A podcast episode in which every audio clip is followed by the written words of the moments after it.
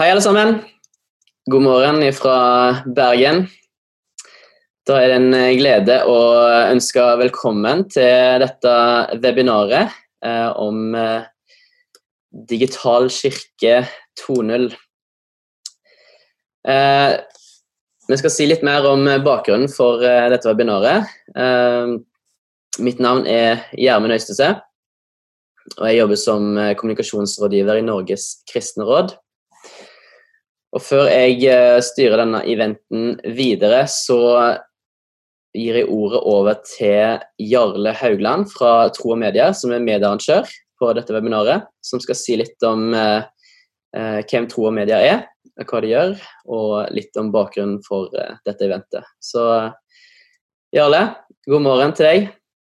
Eh, tro og medier, bare sånn kort. Tro og medier, hvis ikke dere kjenner til oss. en hvor gamle er vi? 85 år er vi i år. Eh, tverrkirkelig medieorganisasjon som jobber for å gjøre Jesus synlig i mediene. Og det er jo litt sånn artig Nei, det var feil. Det er ikke artig, for situasjonen nå er jo kjempekrevende. Men, men det er noe med at disse lederne som starta dette for 35 år siden, jeg tror ikke de ante hvor viktig organisasjonen var, hvor viktig mediehverdagen kom til å bli. Så vi tenkte at vi må samle Kristen-Norge nå som, eh, som kirke er blitt nesten digital. Eh, vi oppretta digital kirkegruppe i påska etter at vi først hadde Først hadde vi gitt noen råd. Det er rent praktiske. Vi ga noen råd på våre nettsider. Hva vil det si, hvordan skal man streame gudstjenester? Hvordan kan man komme ut i de, det landskapet? Hva bør man tenke over? Og så kom eh, pastor Erik Andreassen, som skal være med og bidra med noen gode råd på sin Facebook-side. Noen var han enig med, noen var uenig med oss. og Da tenkte vi det er bra å samle dere som vet hvor skoen trykker. Som streamer, som vurderer å streame, som har beslutta å ikke gjøre det, eller som uh, gjerne skulle ha gjort det, men som ikke får det til. Kan vi samle dere uh, både i en Facebook-gruppe og så i neste omgang, etter at Kristen, Norges kristne råd tok kontakt med oss, samle dere i en, et webinar der vi kan utveksle erfaringer. Eh, hva man har lykkes med, hva man ikke har lykkes med, osv. Så, så jeg gleder meg kjempe til å høre disse syv bidragsyterne som kommer nå snart. Og så har jeg lyst til å snike inn en ting, selv om vi kaller webinaret for Digital kirke 2.0. Det handler jo litt om at det, nå har mange kommet i gang og fått seg noen erfaringer. Kan vi løfte det opp på neste nivå? Men i tillegg til det så må vi jobbe ganske grundig med hva det vil si å være kirke. For det er mer enn bare eh, digitalt. Vi må på være flere fader enn bare det digitale. Hva vil det si å være Kristi kropp i dag? Eh, med kjøtt og blod, eh, som til sammen blir kirke. Hvilket oppdrag har vi, hvilke behov skal vi møte, og hvordan kan vi gjøre det innenfor de begrensningene vi har.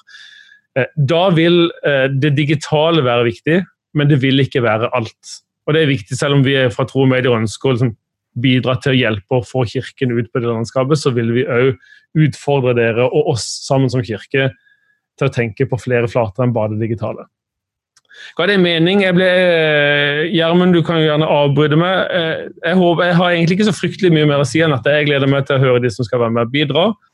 Eh, for jeg tror at til sammen så er vi mye bedre. Det fins ikke én ekspert som har alle svarene, men vi kan skape en samtale som forhåpentlig gir mening. Takk til deg, eh, Jarle. Eh, nå skal jeg dra dere litt gjennom eh, hvordan dette webinaret fungerer, før vi gir ordet til førstemann ut, som er Erik Andreassen. Jeg jobber da som kommunikasjonsrådgiver i Norges kristne råd. Og Norges kristne råd er en paraplyorganisasjon av kristne kirker og trossamfunn i Norge. Så vi representerer våre medlemmer i mange forskjellige fora, både nasjonalt og internasjonalt. Eh, rådet sitt formål er å fremme gjensidig forståelse og respekt, samhandling lokalt og nasjonalt mellom kristne kirker og trossamfunn. Vi jobber for respekt eh, for religionsfrihet og menneskerettigheter, både i lovgivning og praksis på alle plan, og medvirke internasjonalt for å skape og utvikle gode relasjoner mellom kristne trossamfunn. Så Norges kristne råd som økumenisk organisasjon skal være et møtested for kirker og trossamfunn i Norge. Det skal være en arena for å bygge gjensidig forståelse og respekt. Det skal være et redskap for samhandling i kirke og samfunn. Og det er en serviceorganisasjon for kristne kirker og trossamfunn. Vår generalsekretær han heter Erhard Hermansen og er òg med eh, her i dag. Ikke som panelist, men med blant deltakerne. Så litt om eventen i dag. Jarle har jo sagt litt uh, allerede.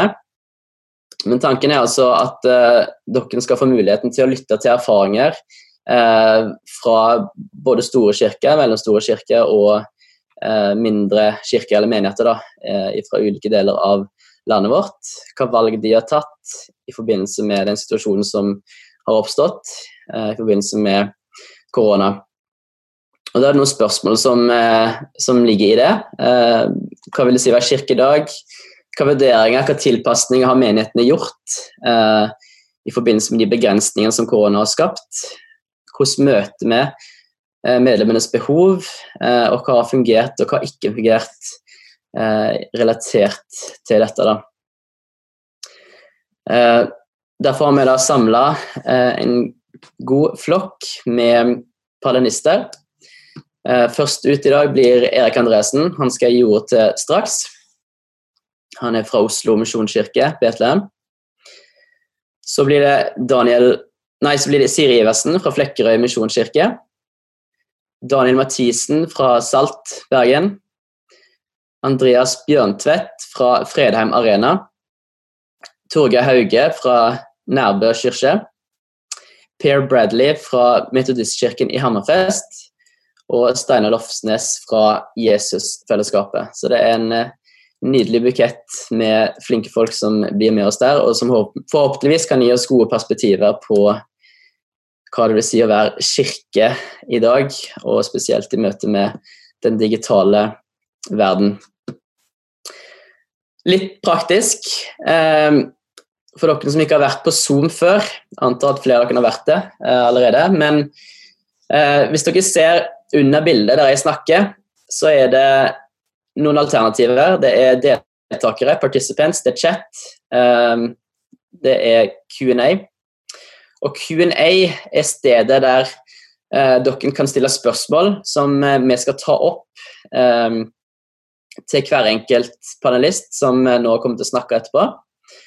Uh, chatten er litt mer for generelle kommentarer, uh, så hvis dere vil stille spørsmål, så er det Q&A som er plassen der dere trykker og da skriver inn spørsmålet som vi da tar opp uh, når hver enkelt er ferdig med å snakke. Og Da blir det ca. fem minutter til å stille spørsmål til vedkommende før vi går videre til nestemann.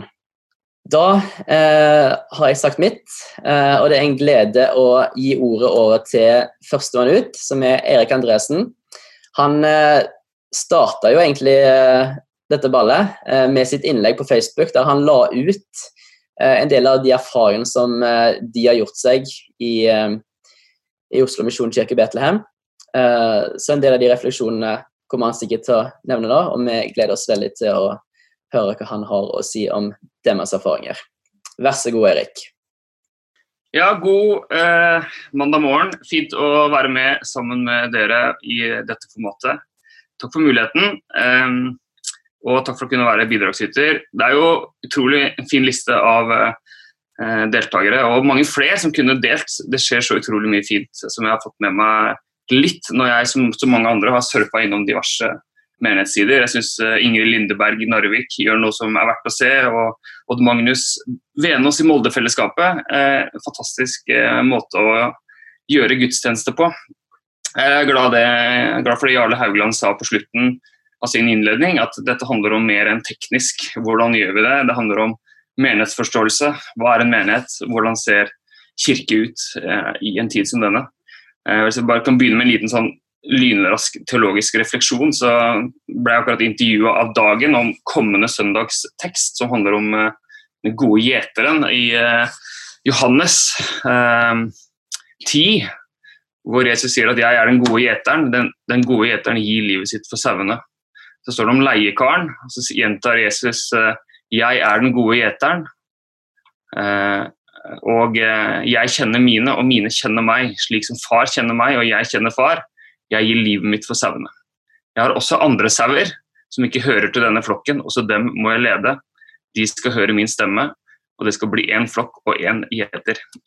Og hvordan ser det ut i vår eh, tid og nå å være gjeter, og hvordan ser det ut å samle flokken? Hvem er det som er eh, våre sauer som ikke er en del av flokken, og er det noen gjetere som søker eh, verdensherredømme, eller skal vi først og fremst bry oss om vår egen flokk? Det er spørsmål som er verdt å stille. Hvordan fører dette vi opplever nå til at vi kan bygge fellesskapet, styrke fellesskapet? Hva er det i dette som eh, gjør at vi risikerer å fragmentere det, skape enda mer konsumentvirksomhet og konsumentkristne og konsumentpastorer? Det er spørsmål som jeg tenker er verdt å, å stille. Når vi starta, når denne krisen kom og vi valgte å ikke ha gudstjeneste fysisk, så var det første egentlig spørsmålet for min del som hyrde, det var eh, hva gjør vi nå med menigheten vår? Altså, hva gjør jeg med min flokk? Eh, hvordan de jeg har ansvaret for, de som har valgt meg til å være deres pastor, eh, hva gjør vi for dem? Ikke hvordan når vi verden, men hvordan, hva gjør vi for familiene i kirka vår og for familien Eilertsen og Turid som er 75 og som så vidt er på en datamaskin? Hva gjør vi med eh, familien Davidson, som både har en jente på sju og en, en, datter på 14? Hvordan samler vi de samtidig? Hvordan får vi søndag til å være fortsatt en annerledes dag? Eh, og så. Det var liksom de primære tankene vi fikk. Eh, så vår første impuls og vår første strategiske tanke var å gjøre noe for vår flokk. Eh, og Det kan høres internt ut, men tenkte, det viktigste for meg er ikke om noen hvem som helst andre ser på, men det er at vår menighet eh, blir samla. Eh, de som eh, jeg er pastor for, og de som vi ser her på søndagene. Så Vi valgte å gjøre det direktesendt allerede første gang. Selv om det var 1 12 sekund lag på lyden, så fikk vi veldig få kommentarer på det.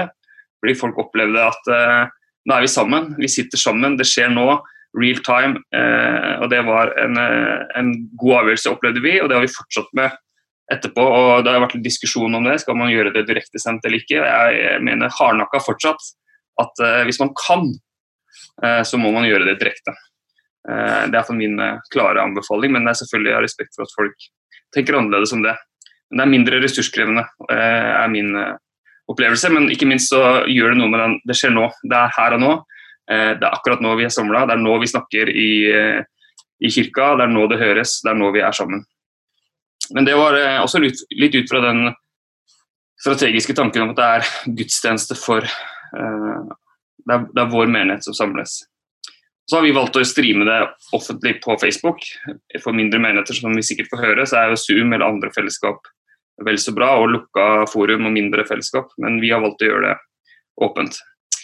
Så er vi så vi er ikke redd for å snakke internt på våre åpne samlinger. Vi bruker noen ganger fornavn, vi inviterer folk inn i gudstjenesten via Zoom og Skype og andre ting. og, og gjør det som om vi skulle hatt en vanlig søndag. Men vi har selvfølgelig en veldig stor bevissthet om at det er mange som ser på, som ikke eh, tilhører vår menighet. Men gjør, det gjør vi alltid. Altså, hver søndag så tenker vi at eh, eh, vi er en familie som samles, men det er alltid en ledig plass ved bordet, og vi regner alltid med at det er gjester til stede. Så vi, eh, vi, går ikke rundt i trusa og har beina på bordet, skal jeg si, som vi gjør om det bare hadde vært oss. Men vi tenker at her er vi en familie, men eh, det er alltid noen nye til bords, og vi ønsker de velkommen. Så Det handler om språk man bruker, og ord og uttrykk og eh, ja, alt mulig. Det, men det er på en måte ikke noe annerledes enn det vi gjør til vanlig, og det er kanskje det jeg vil også oppfordre folk til, eller i hvert fall vært viktig for oss. at vi vi gjør det vi pleier å gjøre. Eh, vi, gjør, vi, vi skaper ikke noe annet. Vi, vi, prøver ikke å gjøre oss til, vi prøver ikke å vise den beste sida av oss sjøl. Vi, prøver å gjøre det sånn som vi pleier å gjøre det. Eh, og Vi har merka at det er mange som deltar som ikke er med i vår menighet til vanlig. Jeg pleier ikke å ha som prinsipp at ikke jeg vil vite noe om hvem som gir hva i vår menighet. Eh, men for å lære så har jeg de første søndagene i denne perioden sett på VIPS-rapportene VIPS på kollektene. Eh, og Der ser jeg utrolig mange navn som jeg ikke vet hvem er. Og jeg ser mange navn i menigheten vår som det er veldig lenge siden var på en gudstjeneste. Så Det er fint at denne muligheten nå gis, at mange mennesker ser på, og ikke minst de i vår menighet som er litt ute i periferien, plutselig er ganske ofte på gudstjeneste. Jeg fikk en melding fra ei i går som sa at hun aldri hadde vært så mye på gudstjeneste som i denne perioden, og det sier jo noe om potensialet i det vi nå eh, opplever.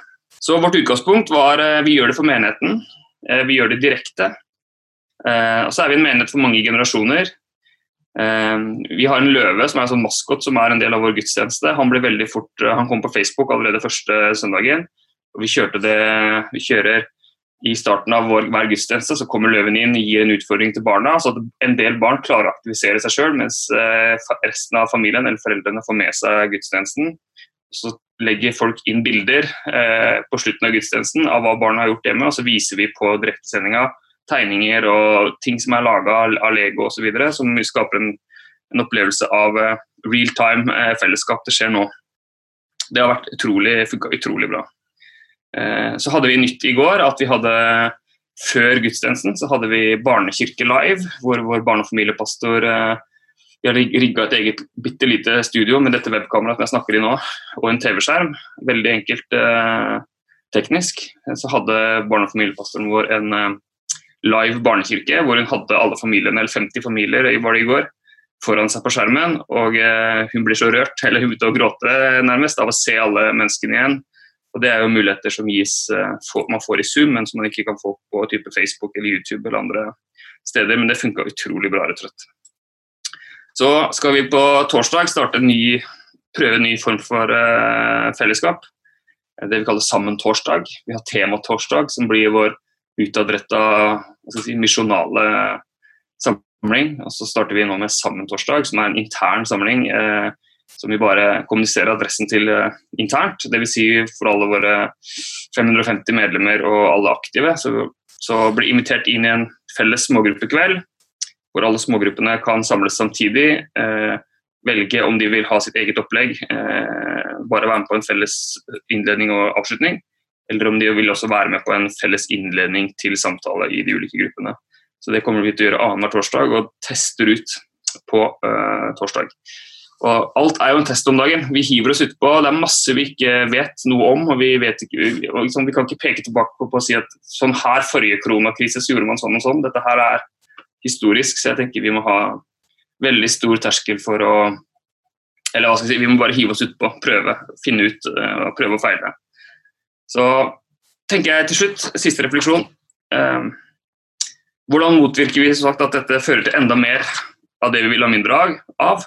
så leste jeg Christianity Today om en pastor som skrev at eh, er det noe vi ikke trengte nå, så var det flere pastorer som ble opptatt av likes og views. Uh, vi er allerede glad i å få oppmerksomhet, en del av oss pastorer. Og han sa at uh, var det noe vi ikke trengte, så var det enda mer som kan få frem alle de narsissistiske trekkene hos enda flere pastorer. Og det skal jeg snakke for meg sjøl, så kjenner jeg jeg kan bli utrolig sånn digitalt sliten Eh, og Det er en kjempekrevende oppgave for oss som pastor og ledere å ta vare på hjertet vårt i det som skjer akkurat nå. Så Det var min eh, lille ti minutters refleksjon. Takk for muligheten. og Jeg gleder meg til å høre de andre. Så ser jeg inn dette kameraet og venter på hva som skjer. Takk til deg, Erik. Eh, det har kommet inn noen spørsmål her til deg.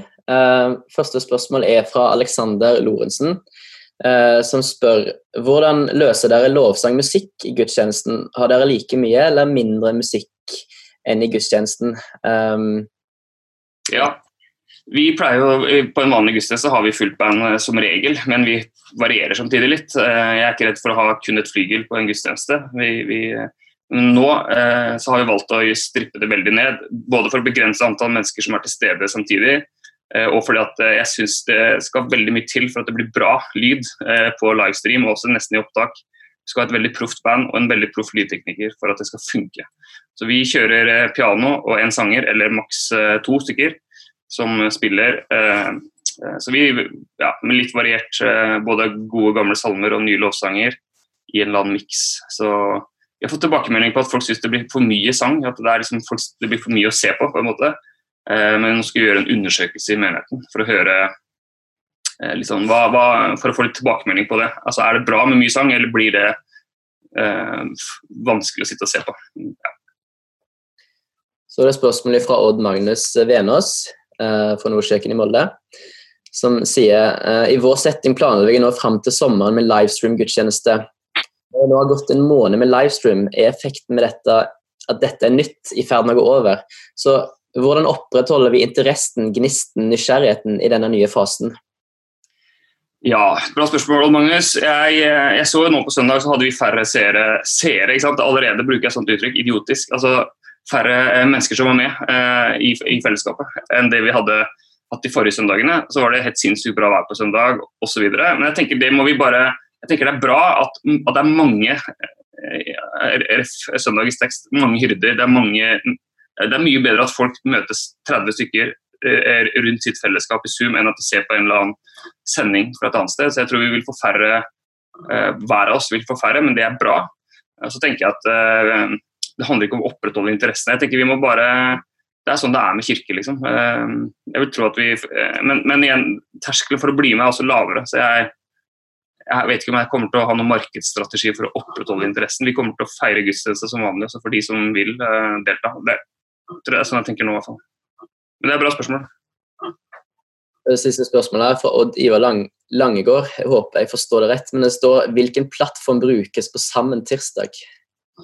Ja, Sammen torsdag så bruker vi Zoom, eh, og eh, vi har, valgt, vi har laga en veldig enkel adresse som eh, folk kan skrive inn i sin nettleser, og så kommer vi til å bruke et passord for å sikre, sikre de møtene. Men der har vi kjøpt en tilgang så vi kan ha 500 mennesker samtidig. Så kommer vi til å dele folk opp i, i mange ulike mindre rom. Det er planen. Det, men det er en test.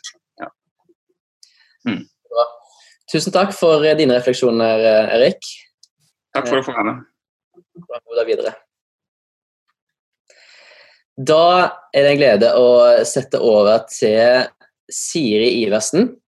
Siri har blitt beskrevet som et fyrverkeri av en dame eh, som har møtt denne situasjonen på en veldig god måte. Um, så, og hun er da pastor i Flekkerøy misjonskirke. Så nå, Siri, nå gleder vi oss veldig til å høre hvordan dere har uh, møtt denne situasjonen, og hva valg og refleksjoner dere har gjort dere. Da venter vi på Hallo, ja. Siri. Hallo. Eh, nå skal jeg bare snakke. ok, Så jeg ser, jeg ser meg selv, rett og slett? Det er helt korrekt. Ja, men Det er fint. Det er jo kjempeinspirerende. Det er så utrolig fint å høre deg eh, fra Oslo misjonskirke Betlehem. og Jeg gleder meg til å høre alle dere andre. Og det er helt eh, veldig fremmed for meg å sitte og se meg selv mens jeg snakker inn i en skjerm. Men eh, det er jo Vi øver oss på ting alle sammen. Det som jeg har forberedt, eh, som for, kanskje kan være relevant for noen, det har jo bare å håpe, det er pastor Iversens koronavitnesbyrd. For jeg har vært blant de som er er sånn redd for digitale duppeditter jeg vet ikke hvor mange ganger jeg har skrevet et innlegg på Facebook som jeg sletter før jeg legger det, for jeg tenker dette er ikke relevant for noen. Og hvis jeg har gjort noe, så bruker jeg 100 år på det. Uh, og som mener hadde vi ingen strategi på noe som helst av dette. Uh, men sånn er det mange ting i livet. Det er mye som skjer som ikke vi er forberedt på. Og så tror vi jo veldig på at Gud kan lede den enkelte forsamling og den enkelte pastor og den enkelte lederskap og stab eh, med helt unike nøkler til alle tider og, og alle steder. Og For min del og for vår del så var vi i Misjonskirken Norge har vi det som heter PMF. altså En gang i året så møtes alle pastorer og ledere og stab og sånn som er ansatt. Og De var samla på Vegårtun på et leirsted torsdag 12. mars og hørte Erna sin eh, pressemelding og pakka kofferten og dro hjem. for skjønte, her kan vi ikke være. Eh, og det var mail og kaos og telefoner og karanteneregler. Og vi hadde 21 konfirmanter som akkurat kom hjem fra Romania. Eh, og det var liksom og da kjenner jeg meg så igjen i det som eh, Erik eh, snakka om, at jeg fikk bare sånn utrolig behov for å eh, adressere flokken min, på en måte. Jeg kjente sånn kjempehyrdeomsorg. Nå må jeg få sagt noe! Jeg, jeg, jeg, hadde virkelig noe jeg opplevde Jeg, jeg har noe å meddele! Jeg jeg må, få si det til menigheten min. Jeg tenkte ikke på, egentlig på noen andre. Og jeg er så dårlig på sånne ting at da måtte jeg få en uh, fyr i menigheten hjem til meg. Uh, for uh, for rett og slett å, å, filme meg, så jeg kunne få lagt noe ut på menighetens Facebook for å gi den hilsen. Og, og, det må jeg si at det er For å komme med noe teologisk her, si, det er to ting som på en måte har si, vært veldig sånn eh, oppi hodet mitt, og det er den ene setningen fra Esters bok 'For en tid som denne'. At jeg hadde behov for å hilse menigheten og si at Gud har alltid noe for alle slags tider, og Kirken har opplevd krisetider alltid, og nå har Gud noe for en tid som denne. Og så teksten fra slutten av Johannes hvor disiplene hadde gjemt seg fordi de var så redde. De hadde lukka døra, det står så konkret. Og så dukka Jesus opp. At jeg kunne si til folka at Jesus han er hjemme hos deg. Og det, det, var så viktig for meg å, å, bare si, selv midt i all min aversjon mot å publisere noe på Facebook. Og da, fra, sikkert sånn som hos mange av dere, fra den torsdagen og inn i den helga, så gikk hjernen min på høyger hele tida. Hva skal vi gjøre nå? Hvordan skal vi gripe dette an? Hvordan ser det ut å være kirke? Eh, og så var det jo bare Søndagen kom jo kjempefort. Eh, og da, da, Det var jo så enkelt eh, det vi gjorde at det var helt latterlig. Eh, hvor jeg fikk samme fyren til å komme hjem og filme hjemme hos meg. og Jeg tenkte, jeg hadde en sånn utrolig idyllisk idé om at hele, jeg, jeg er gift og har tre barn, og at hele vår familie skulle sitte og ha nattverd sammen. Uh, og så skulle vi liksom invitere alle folka til å ha nattverd sammen med oss. Uh, men for å si det mildt, så jeg skal ikke nevne noen navn, men to av tre uh, barn var ikke interessert i å være med på det. Uh, og så, så, det ble meg, da. Men, men, det var så utrolig fint å invitere. Jeg var i mitt hjem, de var i sitt hjem, og så hadde vi nattverd sammen. Og så ringte Feven på morgenen. Uh, og lurte på om de kunne komme, for de hadde hørt at jeg skulle ha hjemme, hjemmekirke. Og du skulle gjerne vært vitne til når jeg kom da gledesstrålende opp til min kjære ektefelle og si 'Feven kommer hjem til oss!' Og han med hår til værs og trøtt ene kommer, kom og viser her nå. Men greia er den at det, jeg tenker på dette her med at Gud har noe for enhver tid og enhver sted. At han åpner noen dører inn noen fellesskap. Og det som ble, var til mitt lille, det ble plutselig til hele byen og var en sak i Feven. Eh, og derfor så jeg tenker jeg det er så mange, Vi har så mange muligheter, og det er så mange dører som åpner seg som vi heller ikke er herre over. Men så vi bare virkelig må be om å, å gripe de mulighetene som, som kommer. Og Det ga i hvert fall meg mange nye og fine og spennende bekjentskaper som jeg er spent på veien videre i forhold til. Så som sikkert for alle dere, fra den torsdag formiddagen til søndag ettermiddag, så hadde hele min pastorale hverdag endra seg på veldig mange måter. Eh, og vi måtte lage en lynstrategi, eller jeg kan ikke kalle det en strategi engang, men vi lagde en plan, for oss så den sånn ut. Vi skal ha noe på skjerm hver søndag framover.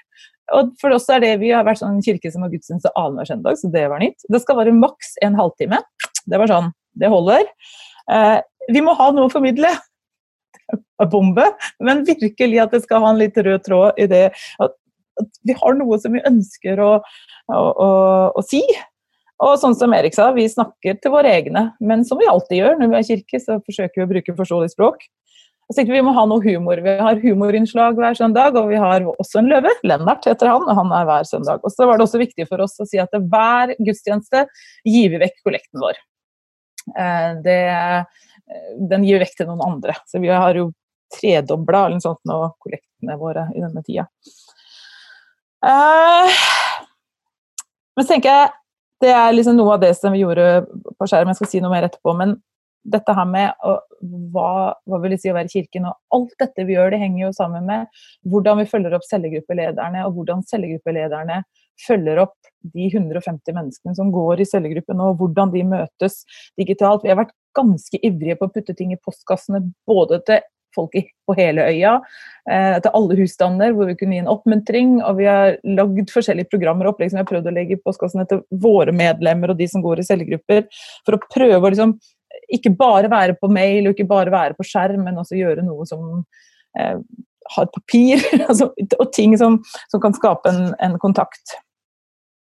Og For et par uker siden så skjønte vi at nå, eh, nå kommer dette til å vare lenge. da. Og da, eh, da er de der spørsmålene som dere har stilt. og det, altså, hva, hva, nå?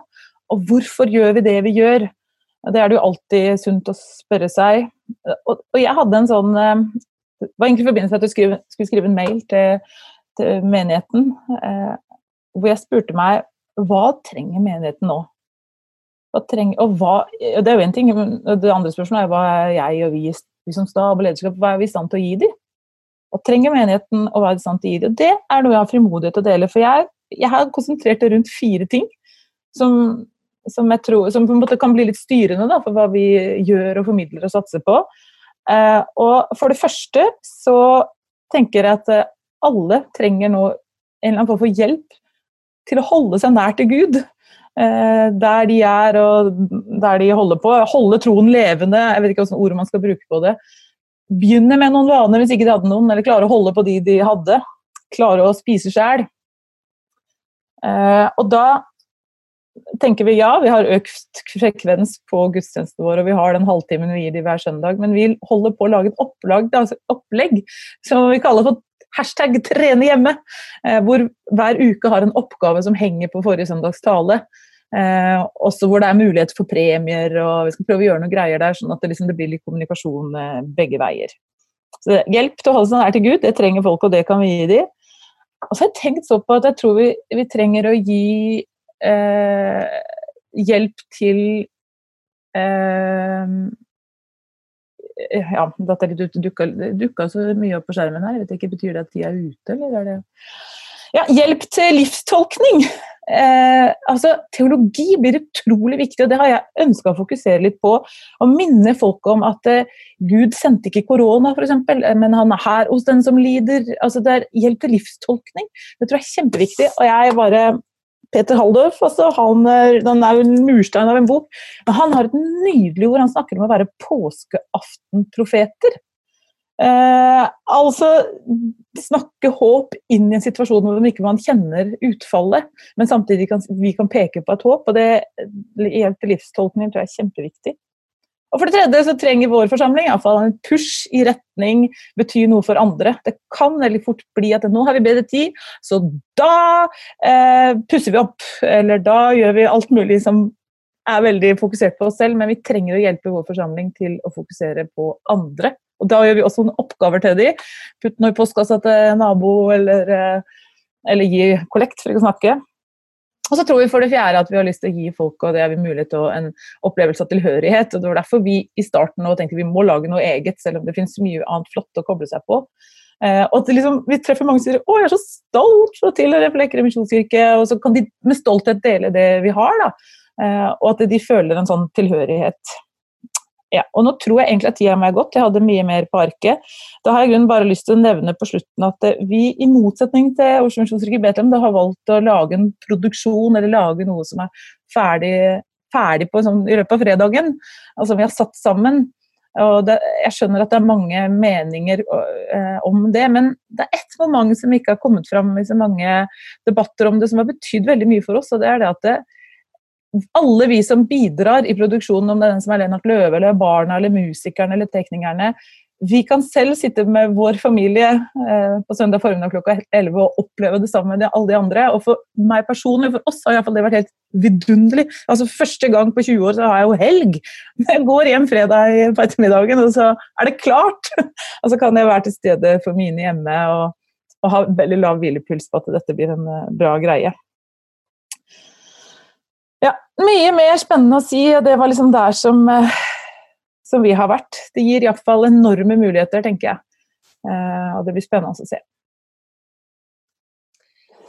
Takk eh, til deg, Siri. Da er det et par spørsmål til deg òg. Det første spørsmålet er Tror du at dere når ut til en større skare når dere nå kjører digitale løsninger i menigheten deres? Altså er, er livestreaming en ny misjonsmark? Ja, vi tror jo egentlig det. Eh, hvis vi ser på tallene, i alle fall i forhold til eh, hvor stor forsamling vi er, så tror vi vi gjør det. Og på hvor det deles opp. Det er fra mange steder av landet får vi meldinger. Eh, så det, det tror vi vi gjør. Og det må vi være bevisst på. Det er jo også veldig spennende. Men jeg tror, det, jeg tror, likevel det er noe sånn Hvis du snakker til dine, så blir det på en måte noe nært og noe fint. Eh, og det kan likevel være relevant for andre. Men det er som Erik sa, det gjør vi jo når vi har vanlige gudstjenester også. Men ja, det tror jeg. Mm. Eh, så det er spørsmål hvilke type oppgaver kommer på hashtag trene hjemme? ja, det er vi i ferd med å prøve å lage nå. Altså, eh, vi har, en, ja, vår Lennart. Da. Han, skal, han skal gå på rulleski til søndag og har lyst til å bli med på det lokale treningssenteret. Så blir han veldig lei seg, for det er jo også stengt. Men så skal han treffe noen av instruktørene, som da skal lære han noen øvelser han skal øve på hjemme. Eh, og nå til søndag kommer jeg til å snakke om hvile. Så han, Lennart blir veldig frustrert, men han må begynne med å hvile. Eh, og så kommer vi til og eh, utfordre familien på hva, hvordan kan det se ut å stanse og kjenne at jeg er Gud. Men det er ikke ferdig lagd. Eh, så her, eh, her, vi må jobbe på spreng de neste to-tre dagene. så er det et viktig spørsmål her fra Rita Aglen. Um, menighet er mye mer enn gudstjenester og møter på Zoom. Så mm. hvordan ivaretar vi alle de andre tjenestene og gavene som mange har? Det kan være mange som opplever å plutselig gå på tomgang og ikke være til mm. nytte. Dette er jo ikke bra over tid spent på hvordan det blir å komme sammen igjen og starte opp når vi kan det. Mm. Folk mister sin frimodighet og engasjement? spørsmålstegn. Jeg tenker vel det kanskje begge veier, om folk mister frimodighet og engasjement. Men jeg har ikke noe veldig godt svar på det, bortsett fra at vi er i gang med en ringerunde til alle medlemmene våre. Eh, for rett og slett å høre om det. Er du, er du, med, eller føler du deg på sidelinjen, eller er det bare nydelig å være der du er? Men nå har vi eh, et par hundre medlemmer, da, så da går det kanskje an å gjøre. Eh, og så er vi veldig cellegruppeorientert. Eh, sånn at eh, Hvis jeg har kontakt med mine celleledere og de har kontakt med sine, så håper vi at vi på den måten skal ivareta og sånn som Noen av de oppgavene vi ga når vi lagde hjemme annerledes påsken 2020, så var en av greiene oppmunt noen, lag en hemmelig gave til noen, ring noen, meld noen. Så eh, ja, man må jo kunne klare å være involvert nesten uansett hva slags gave og sammensetning man har som person i disse dager to spørsmål igjen, så vi får svare kjapt på de. Yep. Det ene er fra Thomas eh, Pedersen fra Misjonskirken Bryne. Hei, Thomas! Som spør dette med å gi bort kollekten, er det nytt for denne tiden, eller er det noe dere også har gjort tidligere? Vi har egentlig alltid gjort det. Men vi var ekstra bevisst på det når vi skulle på skjerm. Vi er veldig redd for det der pengemasgreia. Så vi bruker aldri mer enn ett minutt på kollettinformasjon. Den er veldig lavmælt. Vil du gi, så kan du. Uh, og så så var det Kjetil Fyllingen som spør eh, hvordan ser grafen for publikumsbevaring ut? Hvor mange prosent ser gjennom hele møtet? Ja, da spør du litt feil person, for jeg har ikke helt oversikt. Vi satt akkurat, vi hadde, jeg hadde møte før jeg kom her, og da snakka vi om disse tingene, så det her må vi sette oss inn i. Han, da sa han etterpå Vi har alltid bare ti minutters tale.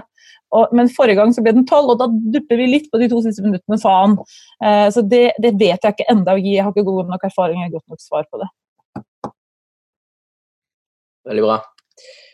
Uh, skal vi se Ja, så er det bare kommentarer fra Linde Andernach Johansen som sier det at uh, man hjelper hverandre til å være kirke, og ikke bare se på kirke. Ja, men det er nettopp det vi prøver med å gi de disse oppgavene. da. Uh, å koble familien og enkeltmenneskene på forrige gudstjeneste tema ved å prøve å gjøre noe. Uh, Mottoet for vår menighet er å leve for noe større der du er, der du bor. Og det føler vi passer veldig godt i disse tider. Veldig bra. Du, Siri, tusen takk for at du ville stille. Takk for muligheten. Da er det en glede å sette over til Daniel Mathisen, som er stabssjef og pastor i Salt Bergenskirken. Uh, har òg vært rektor tidligere på Substans bibelskole. God morgen, Daniel. Da er det bare for deg å kjøre på. Fint. Bare fjerne pollen her. Sånn, da er vi der. Så fint.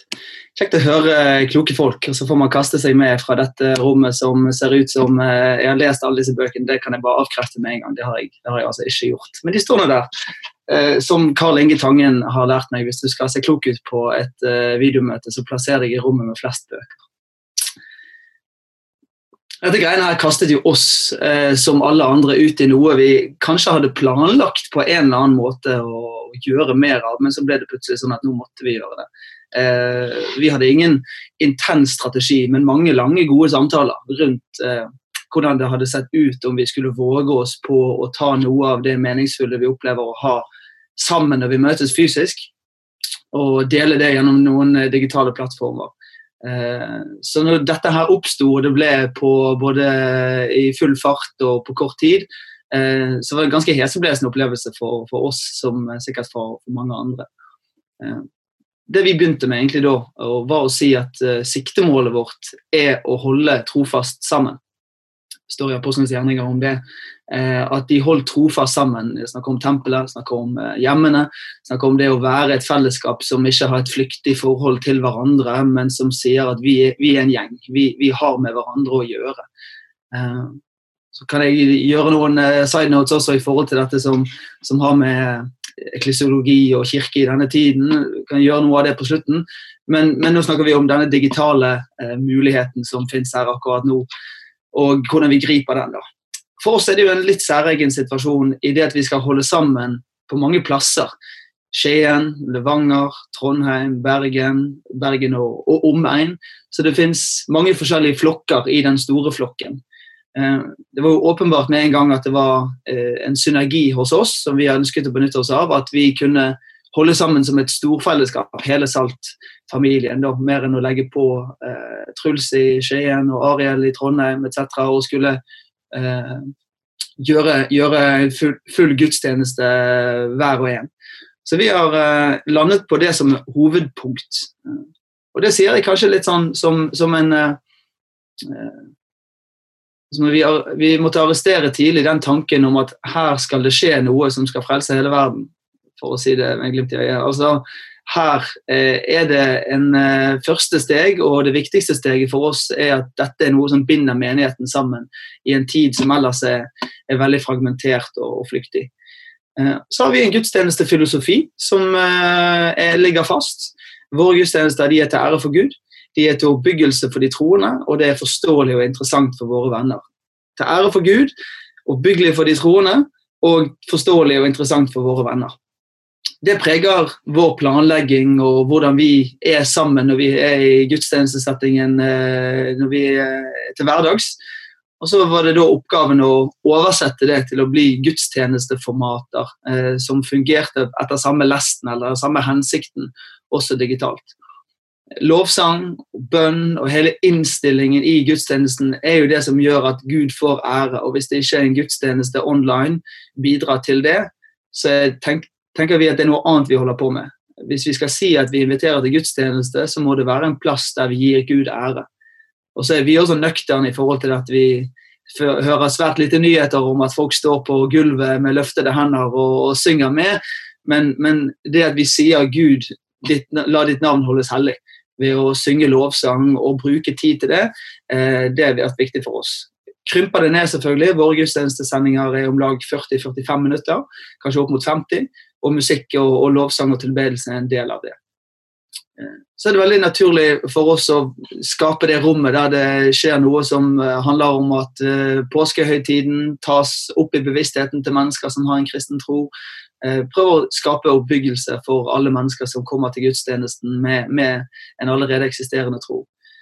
Og så er det dette her siste, da. Forståelig interessant for våre venner.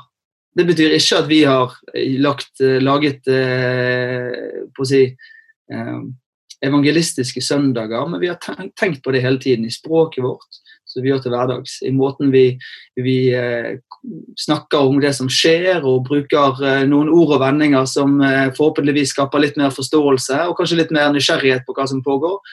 Det er noe av gudstjenestefilosofien vår som har vært mulig å oversette online. Så er jo dette her mer enn en gudstjenester.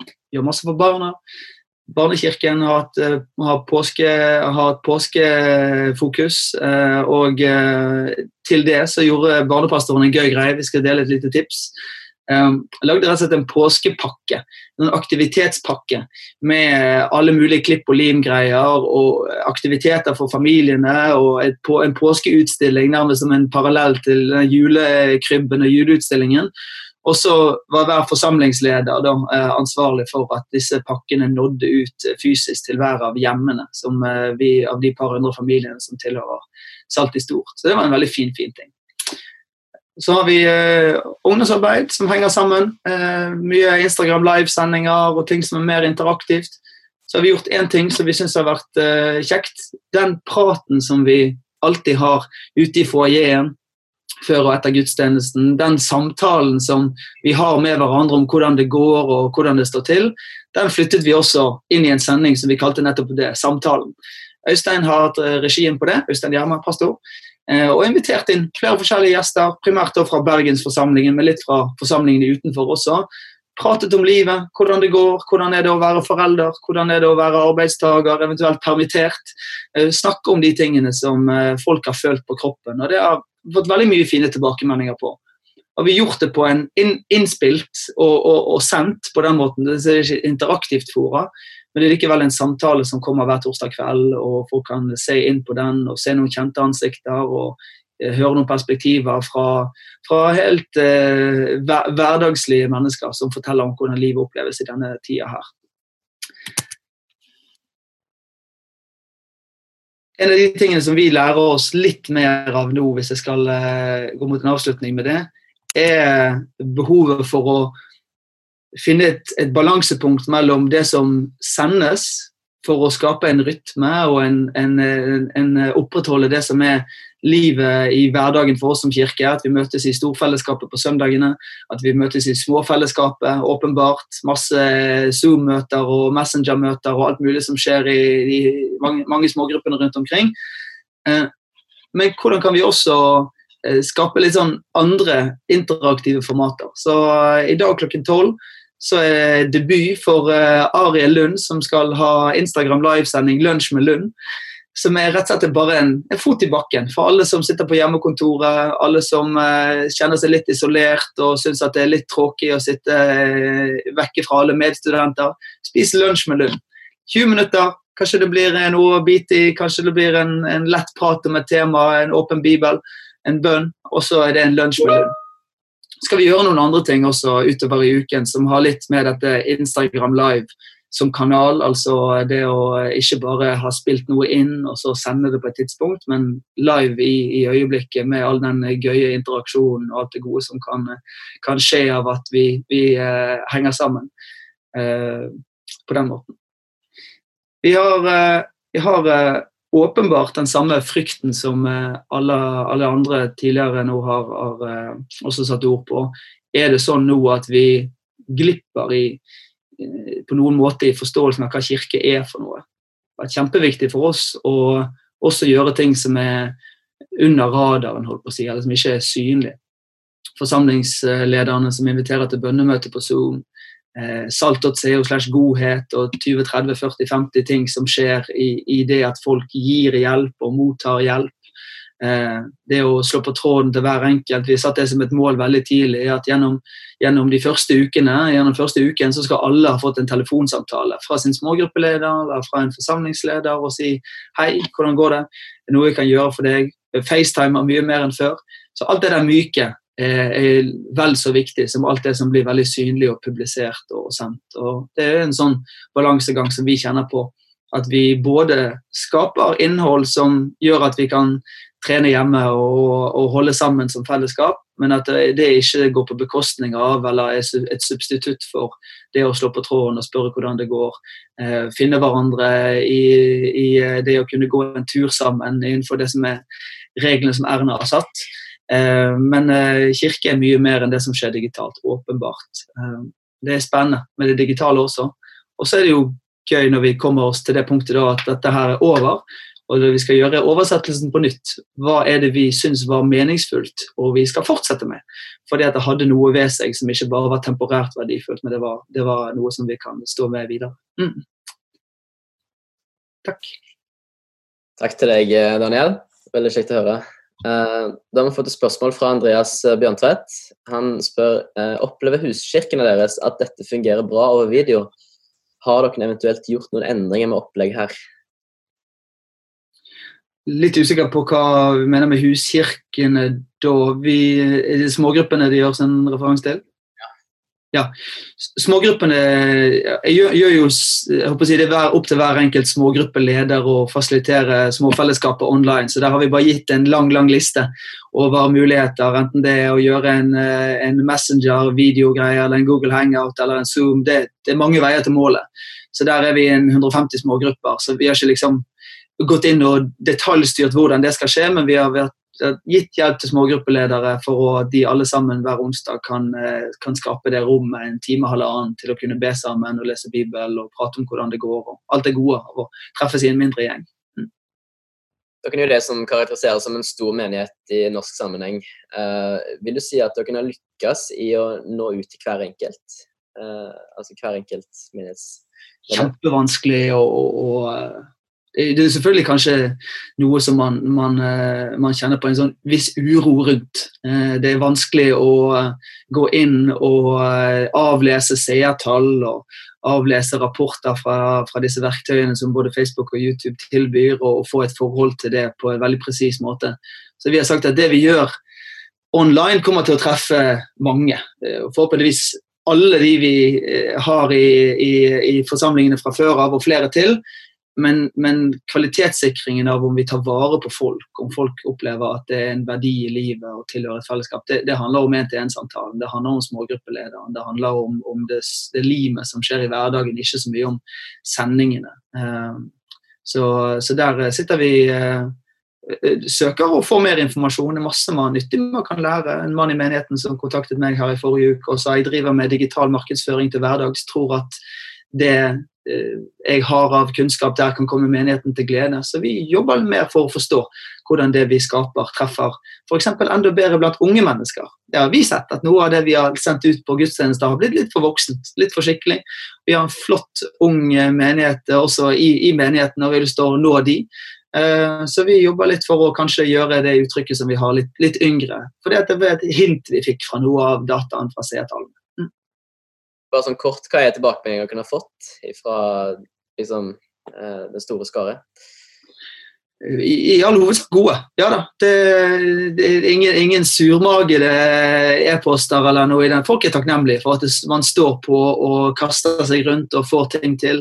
Barnefamilien er glade. Eh, folk kommer inn på, på gudstjenesten og ser på. Så det, det, har vært en veldig takknemlig oppgave å brette opp ermene og gjøre dette som noen av oss aldri har gjort før, og oppleve at eh, folk, folk, setter pris på det. Så det er 99,9 eh, tommel opp. Mm. To kjappe spørsmål her før vi setter over til neste vann.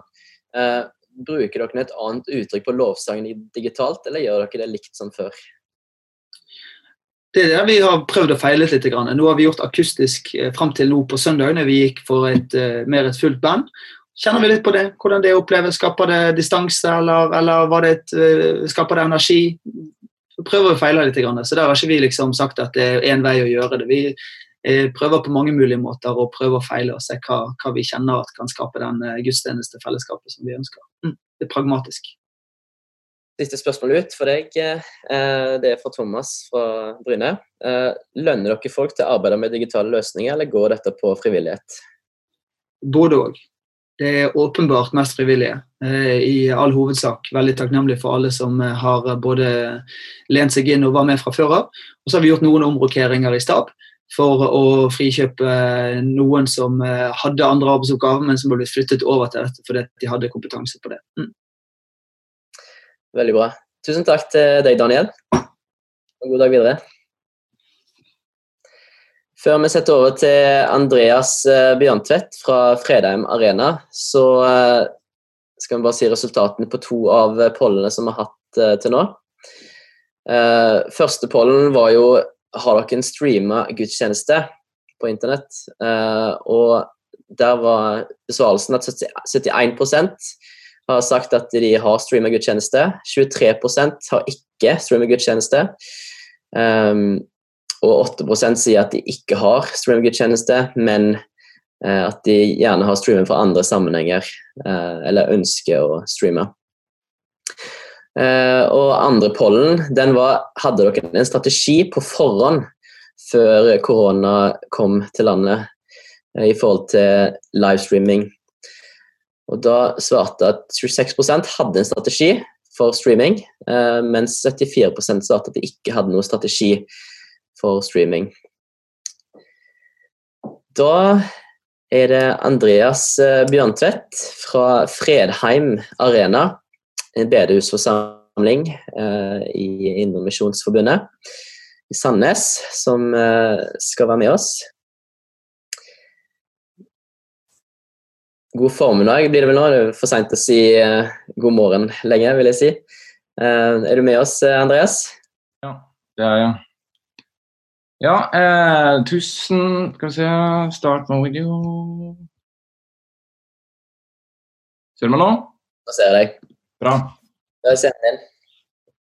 Hva sa du? Da er scenen din. Ja, så bra. Jeg har da ikke plassert meg med mest bøker bak her, men jeg har plassert meg på kjøkkenet, så maten er lett tilgjengelig. Eh, så jeg vet ikke om det betyr at jeg er glad i mat. Det er godt mulig. Eh, først av alt vil jeg bare si at eh, når jeg ble spurt nettopp i Jarle, så eh, var vi nok litt der at eh, jeg var usikker om jeg skulle svare ja. fordi at eh, jeg opplever jo på ingen måte at vi har grepet dette på noe som helst måte. Eh, de første ukene så, så har jo vært, har vi ikke handlet ut fra strategi i det hele tatt men ut fra det at vi bare er nødt til å endre oss. Eh, og da, da, er man, da, er man, nødt til å bli endringsvillig på enten man vil eller ikke. Så når dere skrev litt om mediestrategi, så eh, er jo sannheten det at vi har ikke hatt noe eh, spesiell mediestrategi før dette. Eh, vi har bare vi har gjort eh, taler på video og, og audio til podkast, og det er på en måte det. Og vi har heller ikke fått til noe god kommunikasjon med mediateamet tidligere. Eh, som gjør at eh, faktisk så ble mediateamet også lagt ned to uker før dette her satte i gang. For at vi klarte ikke å få Kommunikasjon funka ikke helt, vi fikk, det, vi fikk ikke helt til å stemme. Eh, og, og, um, så vi måtte hive oss rundt fra eh, ikke veldig mye eh, å, å, gå på. Det vi hadde, da, eh, må jeg si, er jo at vi hadde en fantastisk 17-åring som var veldig villig. Uh, og jeg hadde jo skrenka ned dette mediebudsjettet, for jeg sitter jo med budsjettansvar hos oss, lenger og lenger ned. så Nå var jeg nede på 5000 for, for 2020. Men vi måtte hive oss ut fra det vi hadde.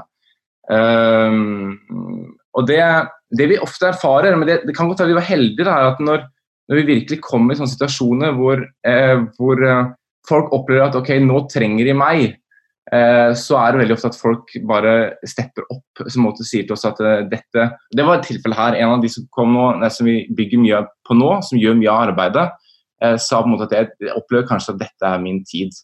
Um, og det, det syns jeg var, det var utrolig fint, og uh, det hjalp oss veldig mye. Og han har da bygd et team rundt seg nå som jobber sammen mot dette. Så mye fantastiske folk i tjeneste. Uh, det var noe grunn til at jeg svarte ja til dette her. fordi at de, de ville jeg skulle svare ja. Da svarte jeg ja. Uh, og um, For de fortjener på en måte å få, få litt kred for den, den, arbeidet de, de gjør. Så vil jeg si litt om det å være kirke. Eh, for eh, det viktigste med å kirke er ikke hvordan eller hva vi streamer, men å nå og se mennesker.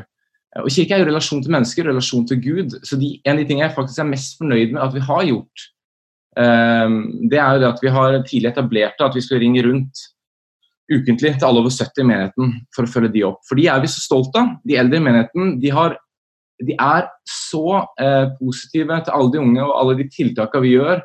Og så tenker jeg skulle mangle at de ikke virkelig ser, disse, ser de den tida her. Mange av de går ikke ut. Eh, noen av de har ikke familierelasjoner som kan passe på dem. At, at de opplever virkelig at nå er vi der for dem. Så Det har vært en av de tingene som jeg, som jeg kjenner at jeg er mest stolt av at vi får til. Det handler ikke det om medie, eller det handler om telefon. Jeg vet ikke om det går under medie, det er godt mulig. Um, og Nå prøver vi å, å, gå gjennom til alle i uh, Vi har jo oppfølgingen nedover i strukturene, tjenestestrukturene, ledere som følger opp ledere og fører opp de som er uh, i tjeneste, for å spørre hvordan det går. Uh, det samme gjør vi i huskjerkene. og Nå prøvde vi å, at hele at staben har fordelt utover medlemslista, som er vel litt under 400 navn. Hvor vi tar kontakt med familien og spør hvordan det går. For, for, det er mange som er berørt av dette her. Eh, gjennom permitteringer, usikkerhet. og det får vi innspill på, at det er noen som har det, noen som har det tøft i den tida her. Og det å på en måte kunne da prøve å følge de opp ekstra. Så det er egentlig det vi tenker mest på. Hvordan møter vi og ser de folka, eh, og ikke bare streamer til de. Men så streamer vi, det gjør vi òg. Eh, og jeg vil si litt om mulighetene eh, før jeg setter i gang her. og det er at jeg, Eller har jeg satt i gang, jeg har holdt på i flere minutter for så vidt. Men eh, jeg snakker med en som jeg kjenner godt i Danmark, eh, som ikke har vært på gudstjeneste på lenge. Eh, og vedkommende sa det til meg at dette her har gitt meg en mulighet til at nå, nå går jeg på gudstjeneste igjen. så måtte det åpner opp noen muligheter.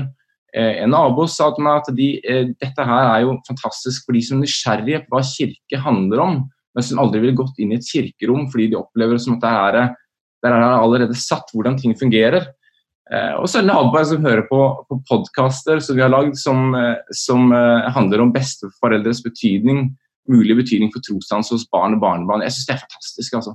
Hvordan muligheten ligger der. Eh, vi gjør en god del produksjoner nå.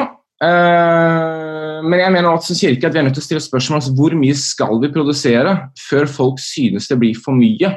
For det tror jeg at eh, det er eh, Det kan godt være at eh, folk synes det er for mye før vi opplever at de synes det er for mye. Men, så det er særlig om utgangspunktet vårt. Rent teknisk så eh, anskaffer vi oss eh, vi, måtte, vi, hadde ingen PC til å redigere på som funka, så det måtte skaffe oss. Og så skaffet vi oss sånn brukt teleprompter. og det er, det er, rett og slett fordi at vi, vi opplever det her er sikkert forskjellige meninger om, vi opplever at eh, kommunikasjon funker best når vi ser rett i kamera hele veien. for Da kommuniserer du til de som da sitter på skjermen. For det er de du kommuniserer til nå. sånn som det er nå. Der tipper jeg helt sikkert av forskjellige meninger, men det gjorde det iallfall. Uh, og det er utrolig for min del, kan jeg si det er utrolig hvor glad man kan bli i en ti år gammel teleprompter. Den tekniske lederen er ikke like glad i den, for driverne og sånn er ikke helt up to date. Men vi får det til på sett og vis. Um, så tok vi tidlig et stort opptak av Vi hadde ikke reflektert over strategi, vi måtte bare gjøre noe, så vi tok til et stort opptak av lovsangen. Um, for, at vi skulle, for vi forsto at innskrikene kom, at vi måtte være mindre og mindre i rommet. Uh, så da gjorde vi det ganske tidlig, og det er fortsatt sanger som vi tærer på. Altså må vi bruke de om igjen og om igjen, og så må vi finne ut det vi jobber med nå, er egentlig å se hvor mange kan vi være i et rom samtidig. Jeg har ikke svaret på det, for vi har ikke sjekka det ut. Vi har på en måte forholdt oss til fem. Men jeg ser jo at det er mange som har mer enn fem i rommet. Uh, som gjør at jeg er, det er noe vi vil se litt på nå, vi kan være mer i fem i rommet. For vi har, vi har prøvd å overholde det eh, best mulig, og så tror jeg kanskje vi har vært jeg har en magefølelse på at kanskje vi har vært litt for konservativ på at det, at det er ikke fem i rommet som er gjeldende kanskje når, når det er produksjoner. Men jeg, jeg har ikke svar på det nå. Uh, ja uh, Mot voksne, da, for å si det sånn, så har vi jobba Der har vi en rent mediemessig så har vi en online gudstjeneste. Alt er produsert på forhånd. Uh, det tror jeg vi kommer til å fortsette med. og det er, Jeg forstår veldig godt de som kjører live. For oss tror jeg det handler mest om at vi opplever nok at det vil bli det blir sånn ekstra stressment. Kommer det til å fungere når vi sender det live direkte med kameraene og alt? Det er ingen, ingen, delay. Så jeg tror det er grunnen til at vi har gjort det på den måten.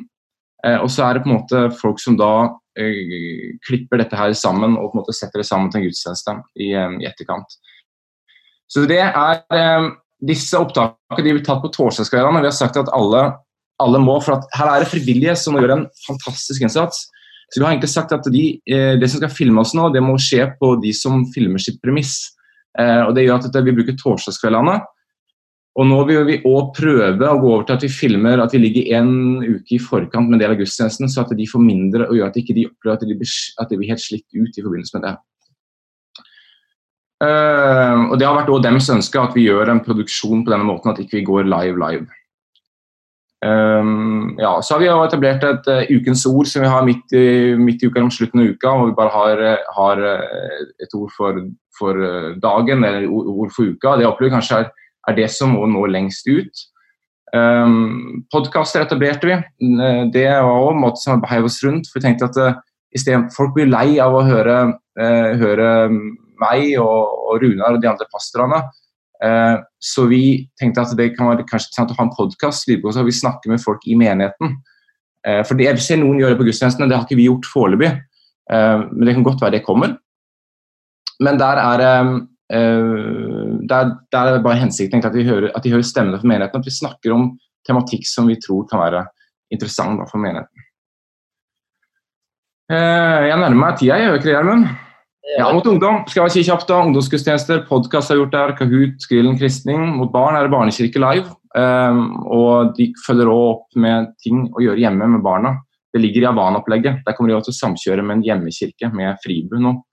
Uh, bønn har vi ikke kjent koden. Huskjerkene, her sliter vi med at vi, uh, vi opplever at de, opp, de sliter, noen av huskjerkene syns det er vanskelig å møtes på video. Det var derfor jeg spurte Salt om det, hvordan de opplever det, for, for, der har vi virkelig ikke knekt koden.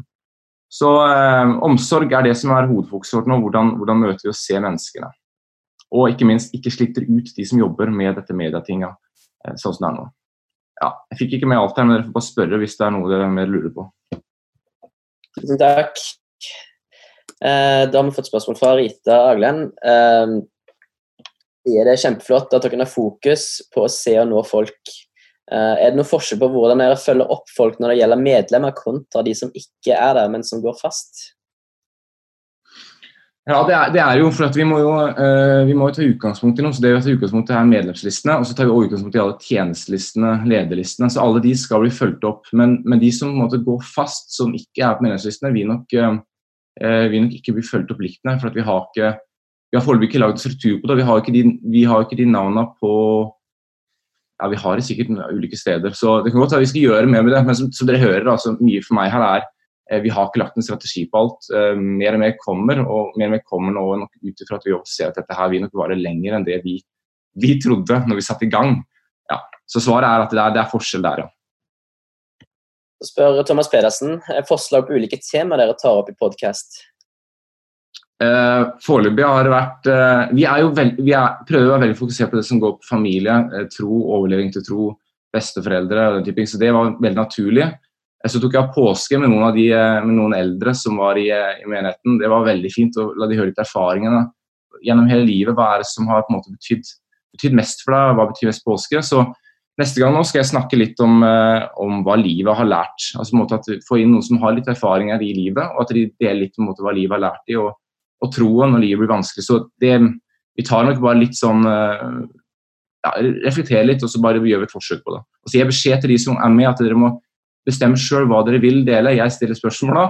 Eh, men, men, dere må bestemme hva dere vil dele, og så må dere gi beskjed hvis, noe, hvis dere har sagt noe som, som dere ikke ønsker å komme med, så dere blir klippet ut før på en måte, det da blir podkast. Det er jo forskjell fra, fra, menighet eh, og menighet i forhold til hvordan massen av, av, yngre folk og eldre folk. Um, du har snakket litt om, om, hvordan dere har prøvd å nå ut til de eldre. Uh, og hva er, hva er, behovene de melder inn til dere, og hvordan eh, på en måte møter dere eh, de? Jeg hadde, en, jeg hadde en nydelig Hun var med på den siste podkasten. Hun er jo en eh, fantastisk dame. Hun er vel 86, tror jeg. Og hun, hun fikk beskjed fra kontorlederen at hun, hun har fortsatt gått ut og handla. Så kontorlederen sa at jeg tror nå tar jeg og handler for deg. så kan du på en måte, For hun ville ikke at hun hun sa hvis du var mammaen min, så ville ikke jeg latt deg handle nå pga. sånn situasjonen her. Så, men erfaringen er at de, jeg tror de har behov for å bli eh, ringt jeg tror faktisk de har behov for å bli ringt og ha noen å snakke med.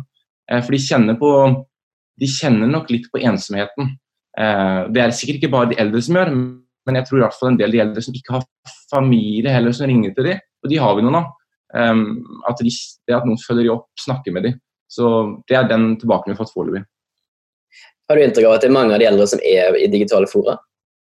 Uh, ja, de, jeg har egentlig inntrykk av at det er det. Vi har, uh, jeg vet i hvert fall at opp til 80 så tror jeg veldig mange uh, får veldig mye tilbakemelding på at de får med seg. Vi streamer jo på nettsida i tillegg til Facebook, og er jo, der er det ikke mange som ser på.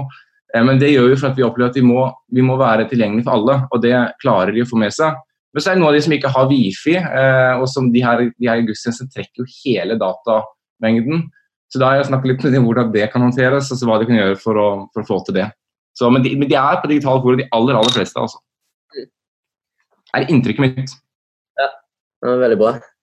Vi må bare presisere at det, eh, det var viktig for oss eh, når vi eh, planla dette webinaret, at vi, at vi, har ulike perspektiver. Ikke bare de som har gjort masse og, og lykkes med digitale løsninger, men òg de som har valgt å ikke gjøre så mye. Og, ja, og refleksjonen er det vi er interessert i å, å, få ut i dette webinaret. Da, for det er nyttig for folk å høre hva perspektiver folk har hatt, og, og hva eventuelle endringer de har valgt å, å gjøre. Um, så takk for at du uh, har delt med oss.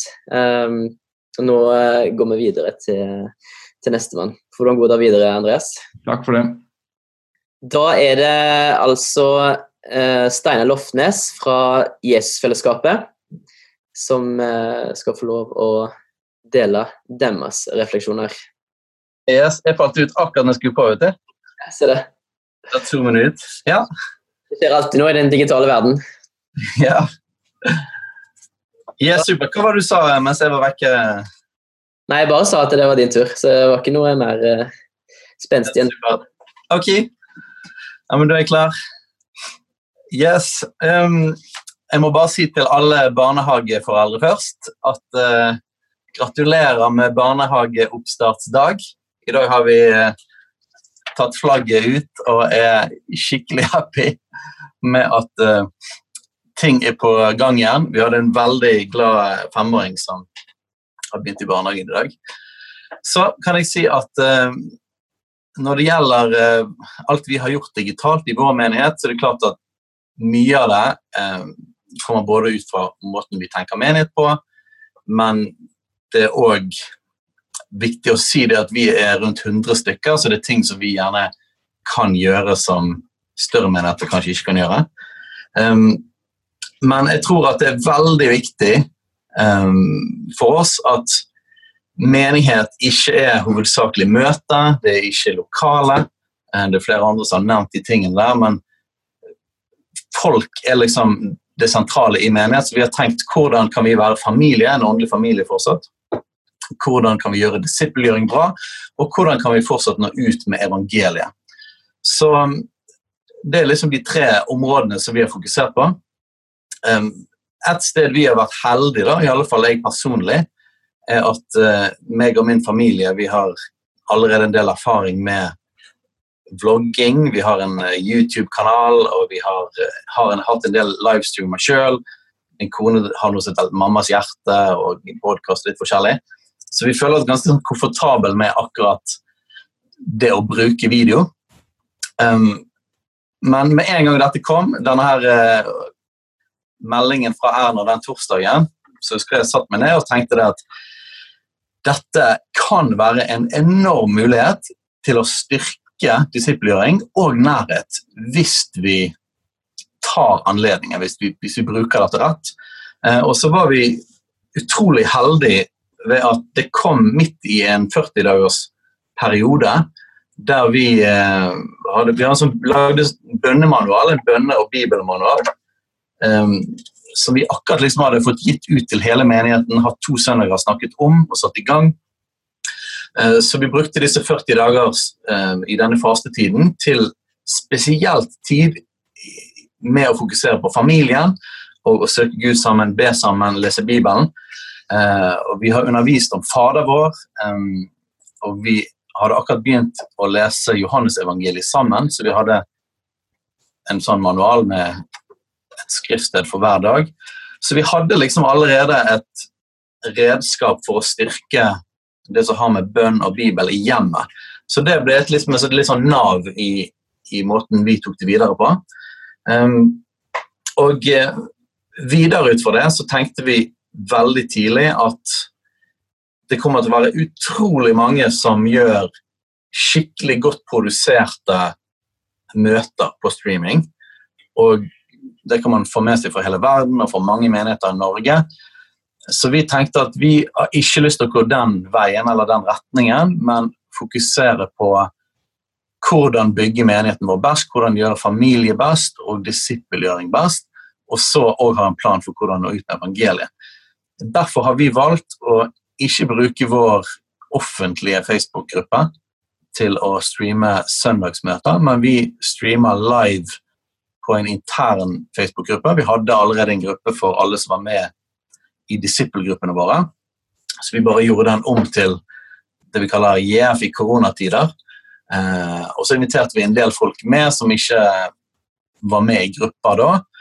Så det er rett og slett en gruppe for vår interne menighet. Og vi har lagt veldig stor vekt på at folk skal kunne være involvert og kjenne at det er nært og kjenne at det er personlig. Og Vi har faktisk brukt en del tid på å sjekke ut forskjellige programmer. Vi bruker Zoom, noen som heter BeLive, prøvd andre programmer for å på en måte maksimere opplevelsen av at det er flere folk som er involvert. Så vi hopper liksom fra stue til stue. Um, og um, vi har noen som liksom gjerne åpner møtet, snakker litt, og så går vi over til en annen stue med noen flere. Vi har lyst til at flere i lederteam og flere i menigheten skal på en måte kunne vise ansiktene sine. Uh, for oss er det et mål at, at man skal kunne se stuen og se hjemmet. Eh, og gjøre det personlig. Vi, det er selvfølgelig det utfordrende for oss med barn er det at det kan bli en del forstyrrelser. folk som Barn som løper omkring, kommer. Men det, liksom, det skaper en del av hele feelingen av nærhet. Eh, og det er noe vi ønsker. Eh, Internett har jo vært full av denne tiden av uh, folk som har intervjuet sant? Og så ser du at det kommer barn bak. eller. Men greien er at alle elsker det. Alle elsker når man får se barn, og man får, man får denne feelingen av nærhet. og man får komme liksom inn i kjøkkenet til helseministeren og, og alle de tingene der. Så, så, det har vært veldig viktig for oss. Um, vi har også lagt vekt på at folk skal uh, kunne gi respons. Vi, vi, vi, prøver å aktivere folk både i lovsang og bønn. Um, folk kan sende inn bønnebehov og sånne ting. Vi prøver å be på, de prøver å samle folk, de som bor sammen, til å be sammen um, når de ser på. Vi har uh, egne folk som har ansvar for chatten uh, og bare er der og kommuniserer med folk. Vi prøver liksom å skape det livet hele tiden. for det er et veldig stort mål for oss har vært å skape nærhet. Og så I tillegg til det, det som er søndagene, så har vi tenkt det sånn at vi tror at når vi møtes digitalt, selv om vi prøver å få så mye interaksjon som mulig, så vil det jo ikke, det vil ikke være det samme som å møtes fysisk. Så, eh, så, det vi har gjort, er at vi har økt antallet sånne her streaminger gjennom uken. Eh, hver tirsdag så har vi bønn- og lovsangssamling, og det går òg fra hjem til hjem, forskjellige folk som leder det. På onsdager så har vi noe som er på vår offentlige gruppe, som vi kaller en Jesusprat. så er litt sånn podkast-panelaktig form, eh, der vi deler evangeliet og våre vitnesbyrd og sånne ting, og prøver å dele dette så mange som mulig utover for å nå til ufrelste. Det har vi òg gjort. På torsdager så har vi en, eh, noe vi kaller en temasamling, som er mer sånn internt pastoralt byggende òg. Vi tror forskjellige temaer og sånne ting som det. Så vi har jo liksom kastet oss inn og gjort masse digitale ting. Ehm, vi har òg startet opp nå med digitale disippelgrupper. Og en gøy ting med disippelgruppene, som er navnet på våre små fellesskap, det er at vi har sett at nå har vi muligheten til å hanke inn en del folk som ikke har vært med i grupper. Um, så nå starter vi opp Jeg og min kone starter en ny disippelgruppe nå denne uken her. Og, og vi ser det at uh, det er en lavere terskel for folk å bli med nå når det er digitalt. Og så vet vi at dette kommer til å holde på en stund, men vi må legge en plan for hvordan det kan være på en måte en, eh, et steg mot at folk kommer inn i mindre grupper og når alt dette er ferdig. Så um, flere treffpunkter eh, har vært viktig for oss. Um, det å både nå ut med evangeliet, sikre både familiefølelse og disippelgjøring. Og nå i helgen så Vi skulle ha uansett en konferanse.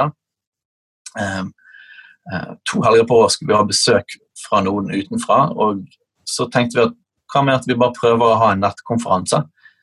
Um, og så det prøvde vi oss på nå i helgen. Mm, da gjorde vi det offentlig på vår offentlige gruppe, men vi fortsatt hadde en nær stil på det. Det var fra hjemmene våre. Vi har lovsang i hjem. Vi har liksom alle som sier noe, gjør noe. Jeg kommer fra, de, ja, kommer fra stuene. Um, og det var utrolig gøy. Um, det har vi aldri prøvd før, og masse nye problemstillinger kom opp. Spesielt i forhold til det med å betjene folk og forbønn og sånne ting. Så det, det har vært en veldig sånn bratt læringskurve, og vi, så vi tester nå ut å ha team rett og slett som er på chatten og kan invitere enkeltpersoner til um, både at de kan ringe dem eller ta FaceTime med dem og be for folk.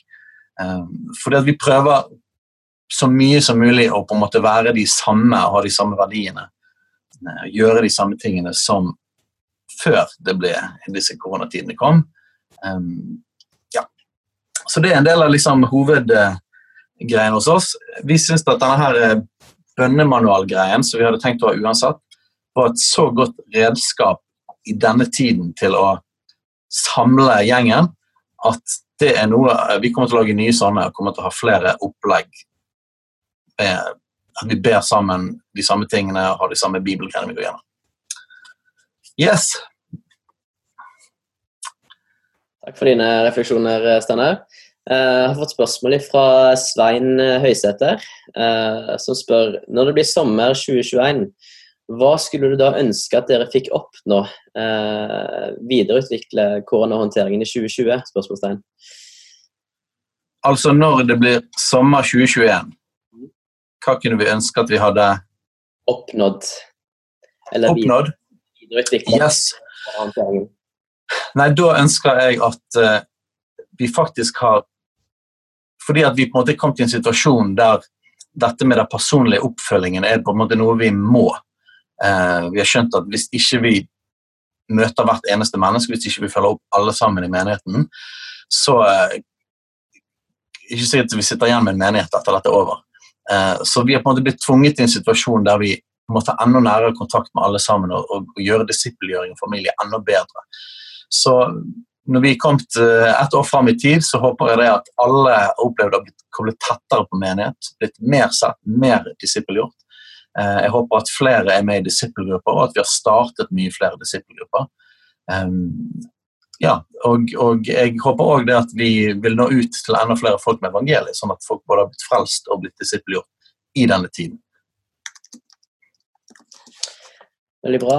Eh, og så var det spørsmål fra Odd Ivar Lange som spør eh, om du kan si litt mer om digitale disippelgrupper.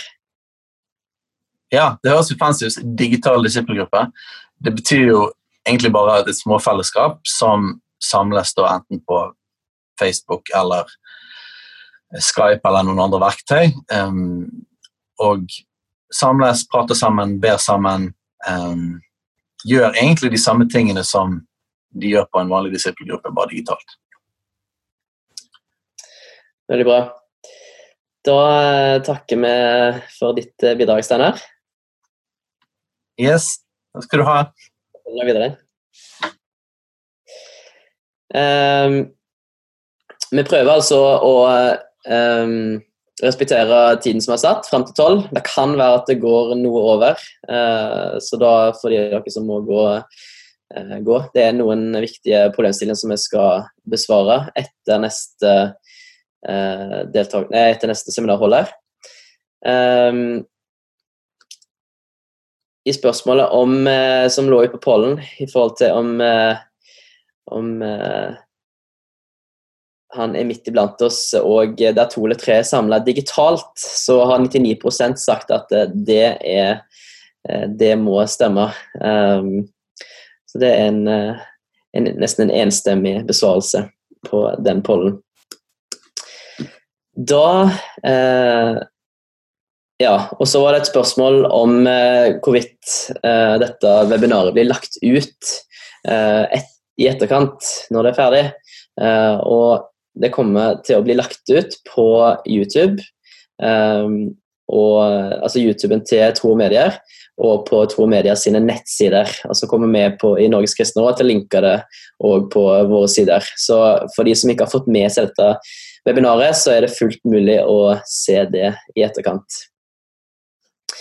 Da er det en uh, glede å ønske Torgeir Hauge, som er ungdomsveileder i Nærbø kirke, uh, velkommen inn. Er Torgeir klar? Syns jo for så vidt at uh, teknikken i dag faktisk har gått relativt knirkefritt. Det er jo en slager at ting ikke alltid går som planlagt når en jobber med digitale løsninger. Da har vi med oss Torgeir. God dag, hører du meg òg? Rett fra produksjonsrommet, ser det ut som.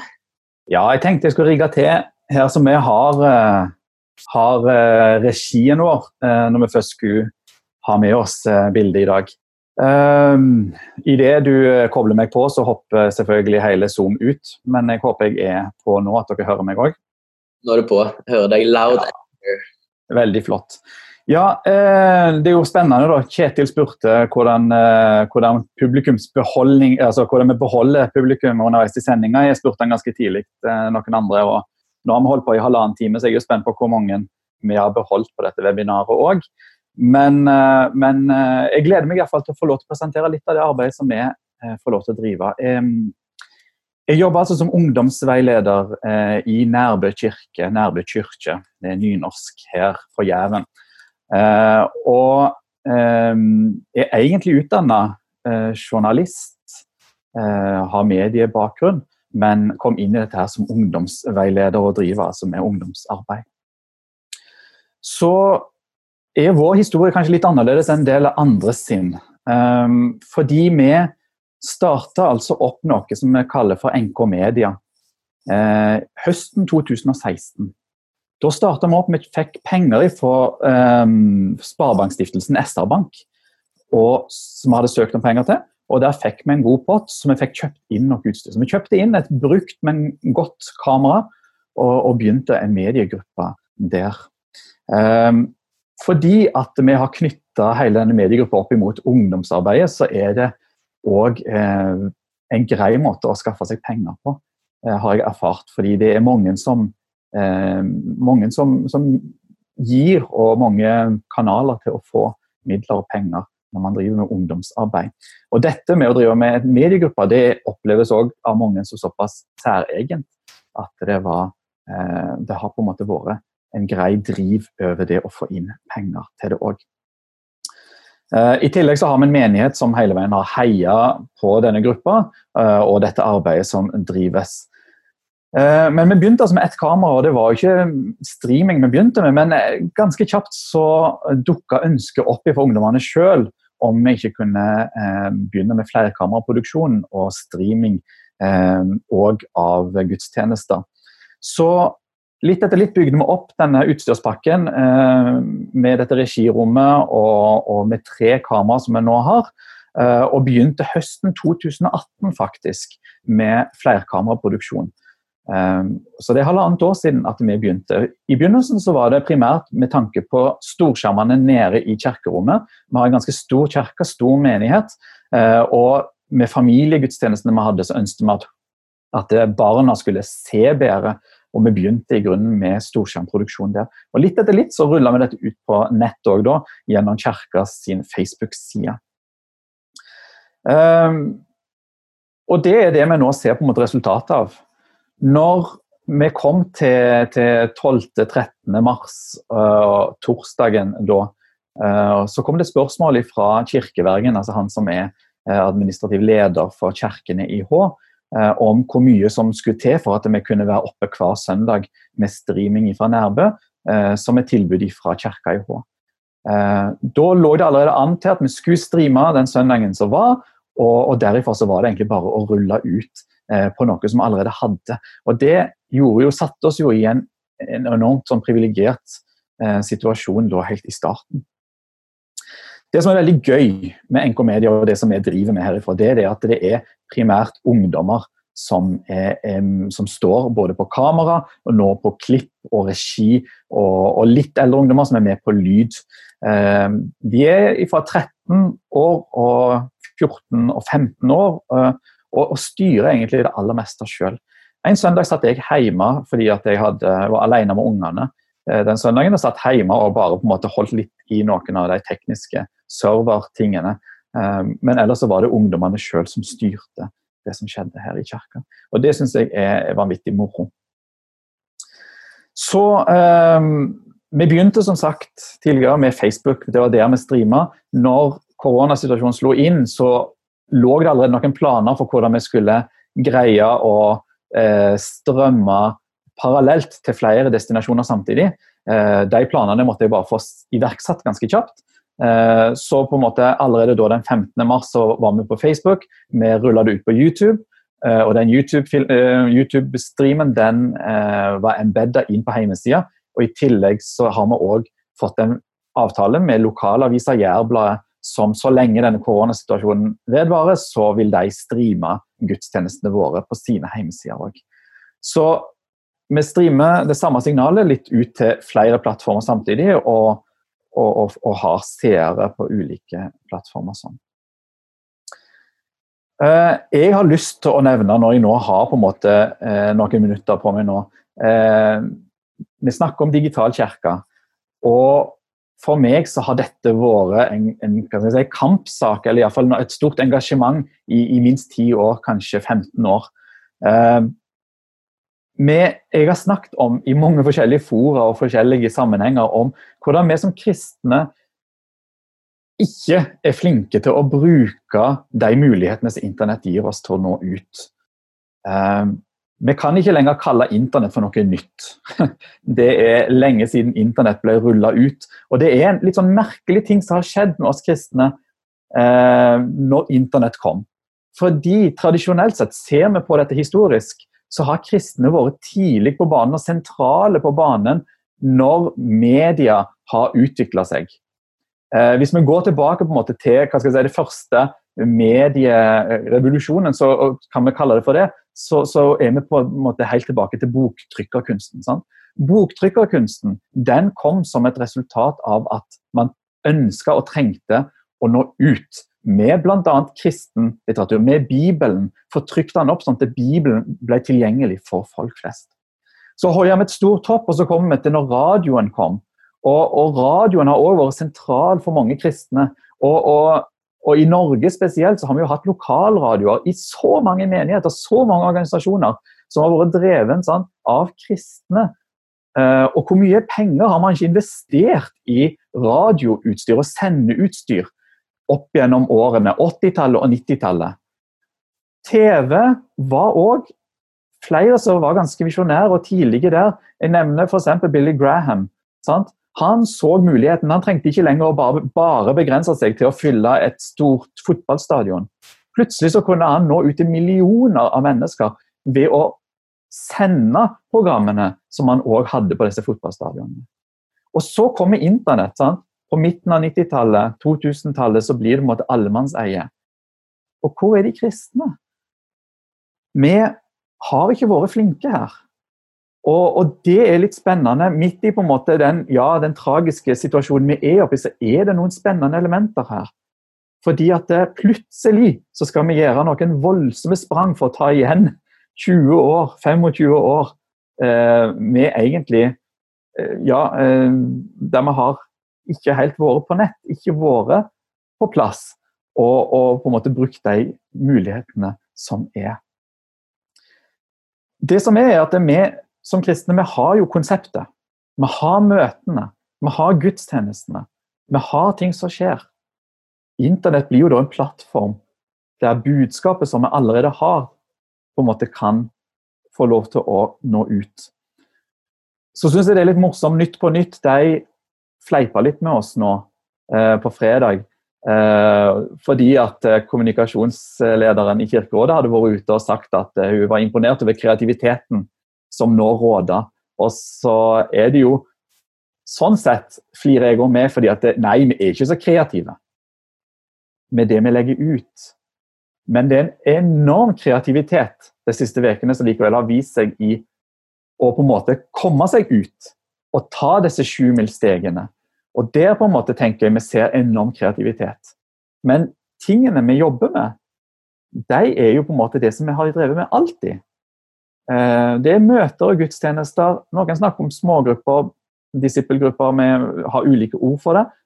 Eh, men, men, men det, der på en måte er vi allerede i Vi har konseptene klare. Og det er jo det som er vår styrke, tenker jeg. Så er ikke vi NRK. Eh, vi, gjør, vi leverer ikke på NRK-kvalitet. Eh, vi sender gudstjenester, vi, vi gjør feil. Noen store feil, mange små feil.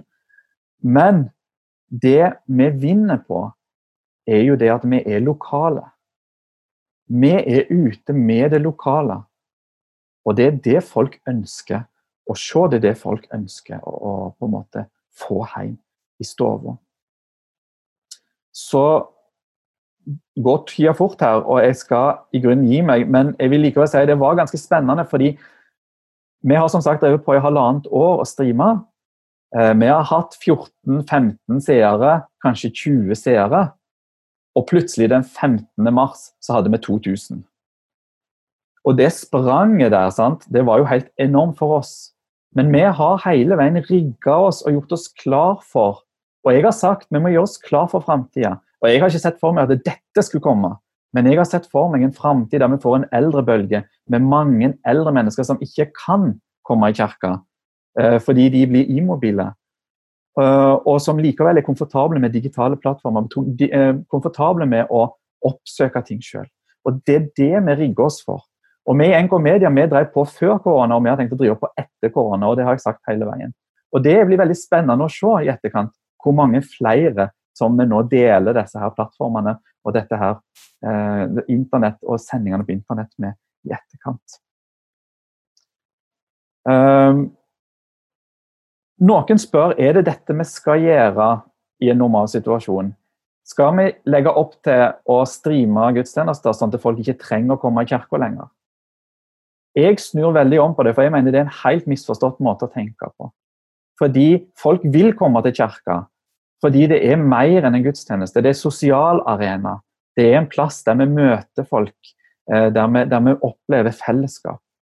Men vi ser, sånn som noen andre har nevnt også i dag, at vi, vi, ser folk på streamen som vi ikke ser i kirka til vanlig. Og folk har ulike grunner til å ikke komme i kirka. Noen kan ikke. Noen vil ikke. Men jeg tenker at dette med å streame møter, streame gudstjenester, det kan være et første steg for enormt mange mennesker. Og kanskje det en gang resulterer i at de kommer i kirka òg. Nå er jeg litt usikker på tid jeg begynte, men, men jeg tror tida mi kanskje er over. Uh, kunne sagt mye mer, og det tror jeg alle kunne.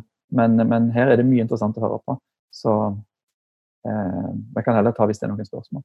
Ja, det er det. Og du uh, vil gripe tak i akkurat det siste du sa. Um, det er spørsmål fra Trygve Jorheim. Han, han sier at uh, det virker som frimenighetens representanter her virker å være mest opptatt av å ivareta eksisterende menighet. Så han har lyst til å Du kan kommentere rundt hva dere i Nærbø tenker om å bruke situasjonen til å nå ut til flere enn de som allerede er innenfor. Nå, den norske kirka er jo sånn sett i en annen, litt annen situasjon enn de fleste, eller mange, si, både bedehus og frimenigheter. for i at det, der har man gjerne en veldig sånn sentrert kjerne. Man vet hvem menigheten veldig tydelig er. Mens man i Den norske kirka har en større flyt eh, gjennom folkekirka. Vi har selvfølgelig en god kjerne her òg, men vi har litt flere folk som kommer og går litt inn og ut. Eh, vi har jo enormt nedslagsfelt i dette med at vi har medlemmer rundt som på en måte har en viss tilhørighet til Den norske kirka, selv om de ikke går her på fast basis. Og jeg har hele veien tenkt at det, det vi driver, er til folk som ønsker å se, men som ikke ønsker eller klarer å komme i kirka. Uh, og mer enn på en måte kan jeg si, det tradisjonelle Litt farlig å bruke kanskje det ordet, men på en måte dette misjonsperspektivet. Så tenker jeg at vi produserer på en måte for medlemmene våre, men de er kanskje ikke så kjent med kirka fra før. Eh, men, men, de er likevel en del av vår identitet i kirka.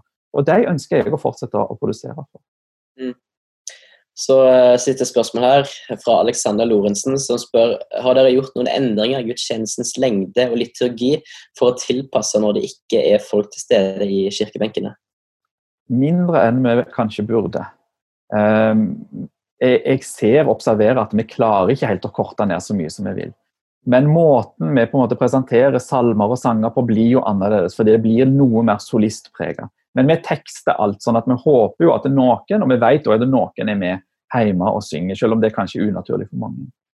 Eh, men gudstjenestene varer ca. en time, og på en måte så er det kanskje for langt. Men når jeg sitter og observerer eh, stabiliteten i seertallene, både på YouTube og på Facebook Ja, noen kommer og går, men det ligger enormt stabilt gjennom hele gudstjenesten.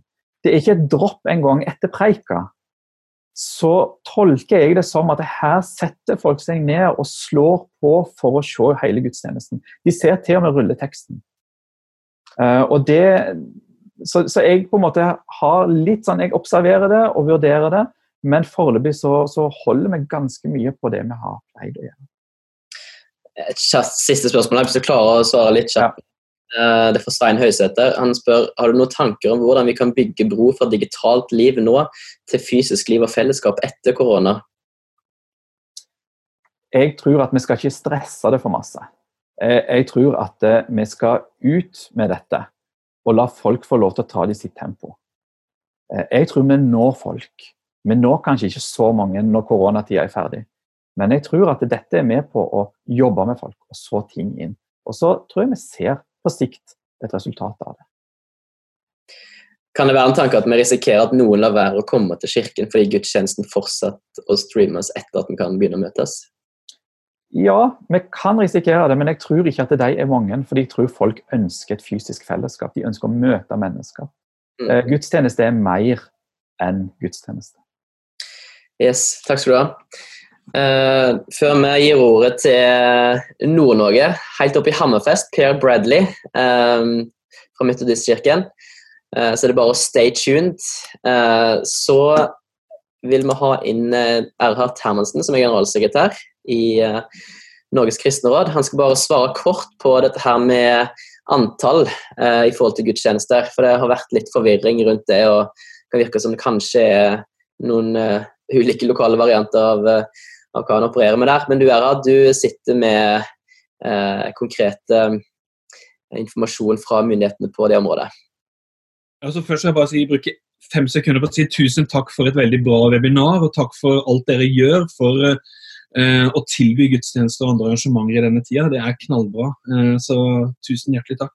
Og så har vi lagt merke til at Det gikk ganske mange kommentarer på nettopp dette med antallskrav. og Det er jo fort at man beveger seg fra å gå til produksjon, som vi snakker om, til at man faktisk fyller opp kirka så det blir tilnærmet en gudstjeneste. og Eh, da har vi de nasjonale retningslinjene å forholde oss til fortsatt, eh, som eh, tilsier at vi ikke kan ha åpne gudstjenester og andre arrangementer. Men samtidig så håper vi og tror vi at det vil åpnes opp mer og mer, og det ser vi allerede kanskje at det skjer i enkelte kommuner. Men da er det viktig at ikke man gjør noen tiltak som ble gjort ett sted, Eh, til noe som kan gjøres tilsvarende et annet sted. Da er det lokale, kommunale tilpasninger og vurderinger som blir gjort, og som man må forholde seg til akkurat der man er, og ikke på en måte si at dette skjer her, og så vil noen automatisk da tenke at det kan også skje et annet sted. Så det må skje da mellom den lokale menighet og kirke og kommunens ledelse, eh, sånn at ikke vi på en måte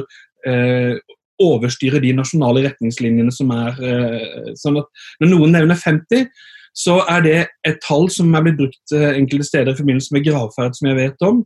Men jeg har ikke fått eh, noen tilbakemelding på at kommuner som har åpna opp for det antallet noe sted ennå. Så la de nasjonale retningslinjene være utgangspunktet, og så er det viktig at ellers så skjer det i samforståelse med kommunen på det stedet man er så er det jo klart på en sånn eh, kommentar eller refleksjon fra min side. Men det er klart når en flyr, eksempel, så har jo det en samfunnskritisk funksjon. Og Gudstjenester og møter blir jo ikke regna som samfunnskritisk funksjon. Det hadde det kanskje blitt regna som for 50 år tilbake. Men eh, når en da kan fly eh, og er i atskillig trangere rom enn på møter og gudstjenester, eh, så er det jo Det burde jo være praktisk mulig i hvert fall å gjennomføre gudstjenester med, med distanse. Eh, ja. Og jeg håper jo at eh, etter hvert nå vil vi se at man kan vende tilbake til en, en ny normalitet. Eh, men det er viktig at ikke vi, når vi tar, tar, så aktiv del i denne dugnaden, som også de digitale løsningene våre er et eksempel på, at ikke vi eh, rusher dette fortere enn det er mulig å gjøre. da. Strålende. Takk for din besvarelse, Erhad. Apropos videre og fly. Eh, da setter vi over til Hammerfest, helt i Nord-Norge. Eh, og Per Bradley fra Metodistkirken. Eh, er du med oss, eh, Per? Ja, skal vi se her. Har vi et strålende bilde av deg. Og... Ja, skal vi se. Sånn. Er lyd og bilde? Ja, lyd og bilde, vet du. Da er ja. scenen din. Fantastisk. Ja, jeg kjenner kommer fra litt annen både kant av landet, men også annen virkelighet enn han som før meg, Torgeir. Eh, vi er jo mindre menighet. Rundt 30 eh, stykker på gudstjenestene. Og det tenker jeg preger oss litt eh, altså de løsningene vi har valgt.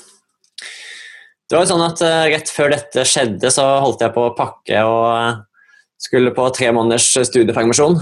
sørpå. Og plutselig så ble det avlyst og måtte bli hjemme og finne ut hvordan driver menighet på tiden her. En ting er jo hvordan, altså Hva vil det si å være kirke, er jo ett spørsmål. Men et annet spørsmål er jo en måte, hvordan er vi kirke i Hammerfest? Hvordan er vi fortsatt en lokal menighet som gjør disipler? Og vi er jo en av de menighetene som mange andre som ikke hadde noe sånn eh, bevisst strategi på forhånd. Vi har ikke gjort noe streaming eller podkast eller noe sånt. Vi har liksom brukt vår webside og Facebook-side som en sånn informasjonskanal. Eh, og vi tenkte vel når ting måtte endre seg kjapt her, at vi har ikke brukt mye Vi har ikke brukt ressurser på å lage gudstjenester og Hva skal jeg si fine produksjoner. Nå ble det sånn at Metodistkirken i Norge har valgt å sende felles gudstjenester fra ulike menigheter rundt om i landet på søndager. Så det har måte vært ivaretatt på den måten. Og så har det vært så utrolig mye å velge mellom. Og så har det vært så mange tilbud på, av, eh, av gudstjenestesendinger. Så vi har liksom, ikke hatt så mye fokus på det. Men vi har tenkt på liksom, hvordan kan vi har samlinger hvor folk kan delta aktivt og fortsatt kjenne på, på fellesskap. Så Zoom har blitt vårt eh, digitale verktøy.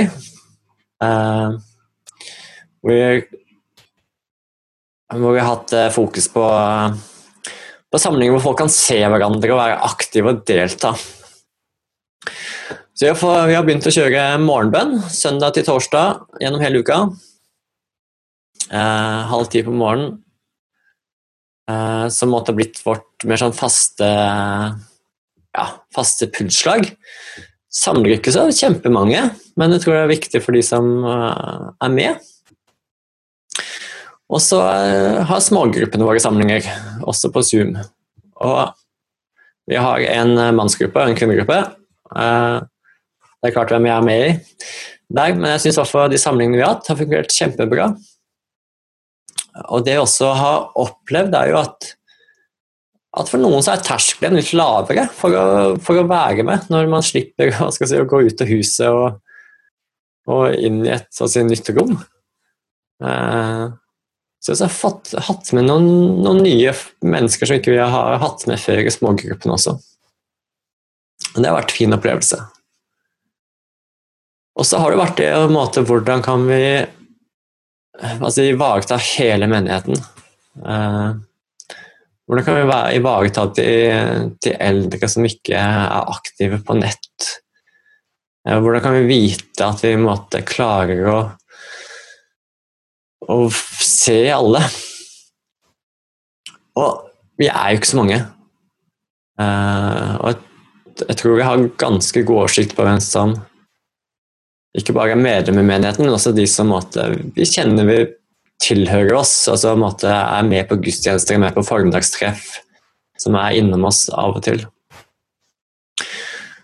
Så vi lagde rett og slett en liste i, hvor vi måtte ha litt oversikt på at, ja, at folk blir sett.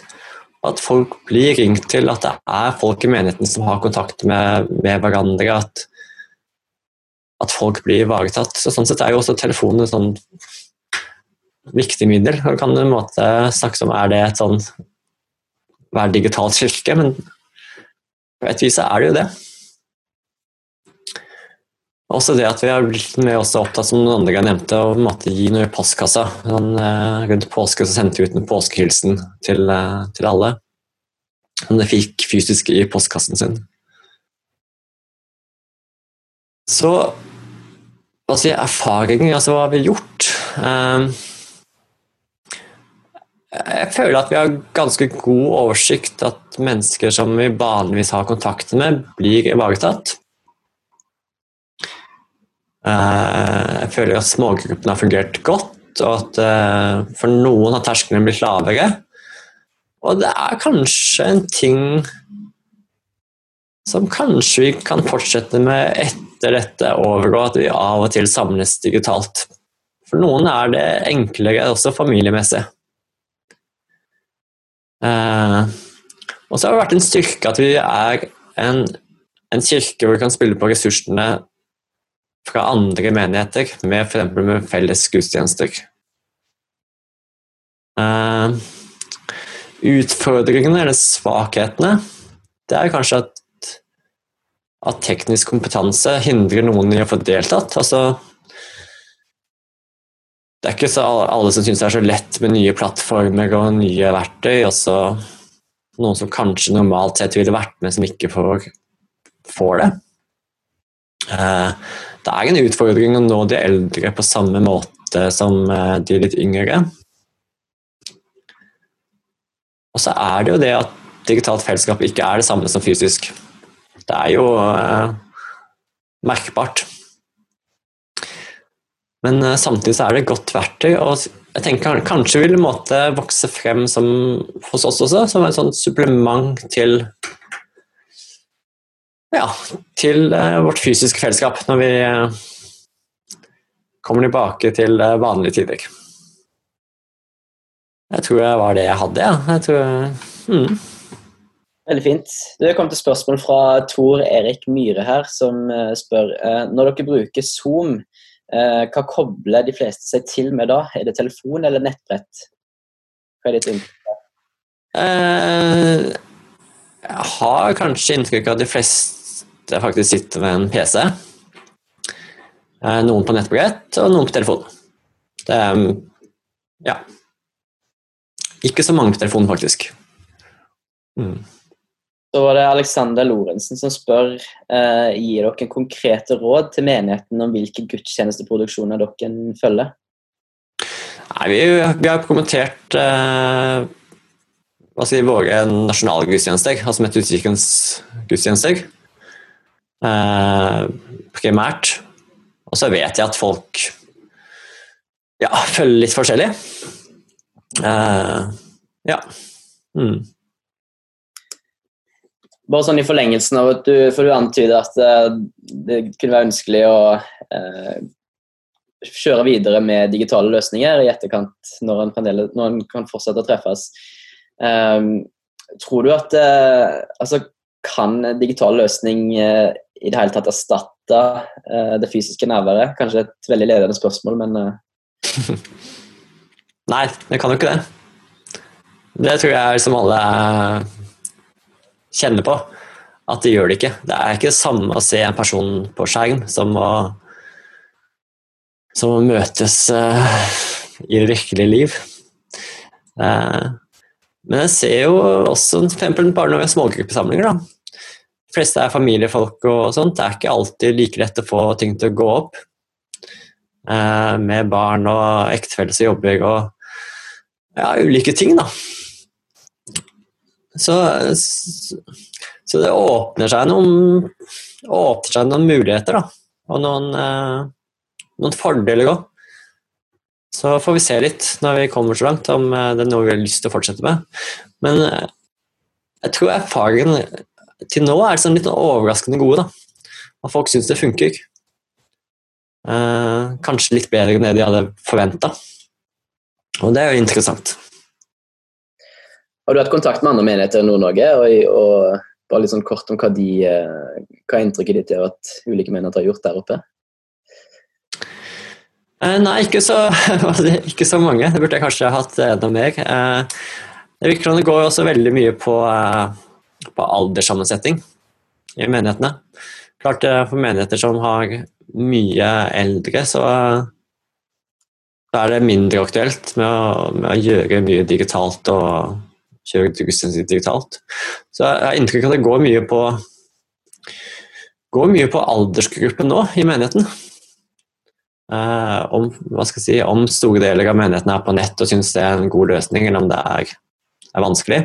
Og så klart er det utfordringer, i med mange tenker frimenighetene oppe i, oppe i nord, og kanskje ellers i landet òg, at, at um, man er ganske små og litt begrensa med ressurser. Eh, gjelder både økonomi, men også menneskelig. Hva man har kompetanse på. Og som gjør kanskje at, eh, at man ikke får gjort så mye, eller man holder tilbake enn det man ideelt sett kanskje skulle ha gjort. Mm. Eh, et spørsmål fra Torbjørg Oline nylig.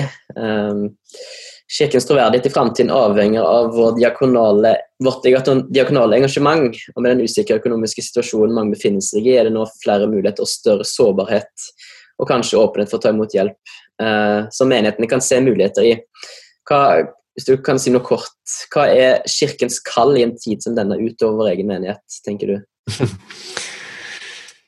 ja, altså Kirkens kall er jo en måte å være diakonal. Det er jo en utfordring, siden iallfall vi. Kanskje en ting vi ikke har vært så eh, gode på. Til å eh, være til stede for mennesker. Uh, I den tiden nå så tror jeg sånn primært så, så løser vi det, eller hva skal jeg si, det vi bidrar med. da. Det er jo en måte å altså holde kontakten med med menigheten. Altså en måte å også være for andre, andre mennesker vi kjenner, selvfølgelig. Uh, og, det har jeg vært, i hvert fall prøvd å være bevisst på. det er altså måte, vi, vi kan ikke skryte av noe sånt stort diakonalt arbeid i vår menighet. Vi kan ikke det. Men jeg vet at mange menigheter våre har et stort kontaktnett og kjenner mange mennesker. Jeg har kontakt med mange. Og Det er det måten kanskje vi bruker nå også. At vi vet at, at, mange er i kontakt med folk som er ensomme, som er eldre, som trenger hjelp eh, av ulike vis. Eh, og, og, Det har vi fokus på. en måte at eh, også f.eks. at de eldre på formannstreffet, som vi ser vanligvis en gang i måneden, at, eh, at de blir holdt kontakt med, at de uh, blir ringt til at uh, det er en måte noen som ser dem, selv om ikke vi møtes fysisk. Så, så, det har jeg vært opptatt av. Yes, Vi går inn for landing. Vi har bare en kort kommentar fra Torbjørg Olin Nyli. takk til deg, Per. Og en god dag videre til deg. Torbjørg Oline Nyli hun bytter plass med eh, Siri Iversen. Eh, hun er fra Ytre Randesund misjonsmenighet, og hun sier at uh, jeg tror at noe av mitt viktigste fokus framover som pastor og hyrde, er å holde det diakonale fokuset høyt. Kanskje er det snart tid for verandabesøk til menighetens medlemmer. Kanskje feire nattverd sammen, tilby praktisk hjelp og engasjere menigheten i å bli et diakonalt, misjonalt fellesskap framover. Så det var hennes eh, kommentar. Da inviterer jeg inn uh, uh, Jarle Haugland igjen. og så vil jeg bare si igjen tusen takk til alle dere som har bidratt her, både med spørsmål og nyttige kommentarer. og ikke minst til dere som holdt seminarer. Det har vært veldig, veldig interessant og, og lærerikt å, å høre erfaringene fra ulike deler av landet og ulike sammenhenger. Jarle? lyden din, eh, Jarle? Det er jo det tror jeg kanskje er den mest eh, sakte setninga de siste måneden. Det er Hører dere meg nå? Eh, jeg hadde bare lyst til tusen hjertelig takk til, til, de som Ikke bare de som syv som delte, det var nydelig, men også dere andre som har vært med. Det er vakkert når vi kan dele ting med hverandre for å heie hverandre fram, for å gjøre hverandre bedre. For i Kristus så er vi ett, så er vi ett legeme. og Det syns jeg er utrolig nydelig. Eh, det hjelper ikke så veldig mye om ett legemsdel fikser alt og vokser mens resten av kroppen står stille. Så nydelig at dere er med og deler med hverandre. Ønsker dere at vi skal gjøre noe eh, av det samme igjen? Har jeg bare lyst til å liksom melde er det, er det noen spesielle temaer vi skal bruke liksom, et webinar på og dykke litt dypere ned i? Eh, eller andre format enn nødvendigvis webinar, så har jeg bare lyst til å utfordre deg til å sende en e-post til Norges kristne råd eller eh, oss i Tromedier. Eh, sånn at vi kan være med, vi har, vi har, lyst til å være med og bidra til at vi sammen kan få være en, en sunn, levende og voksende kirke. I koronatid og i post-koronatid. Og så har jeg bare lyst til å minne om at det er Gud som bygger sin kirke i dag. Og I den sannheten så ligger det en enorm kraft og en enorm hvile. Så jeg har lyst til å nå mot slutten be en kort bønn for oss alle. Herre, takk for din uendelig kjærlighet til oss. Takk at du har skapt oss, frelst oss og satt oss til å tilhøre hverandre som greiner på tre, som steinlevende steiner i et tempel, som lemmer på kroppen. Her kan du få bygge din kirke da. Vær spesielt med mennesker som kjenner at dette er en ekstra tøff tid av mange ulike grunner.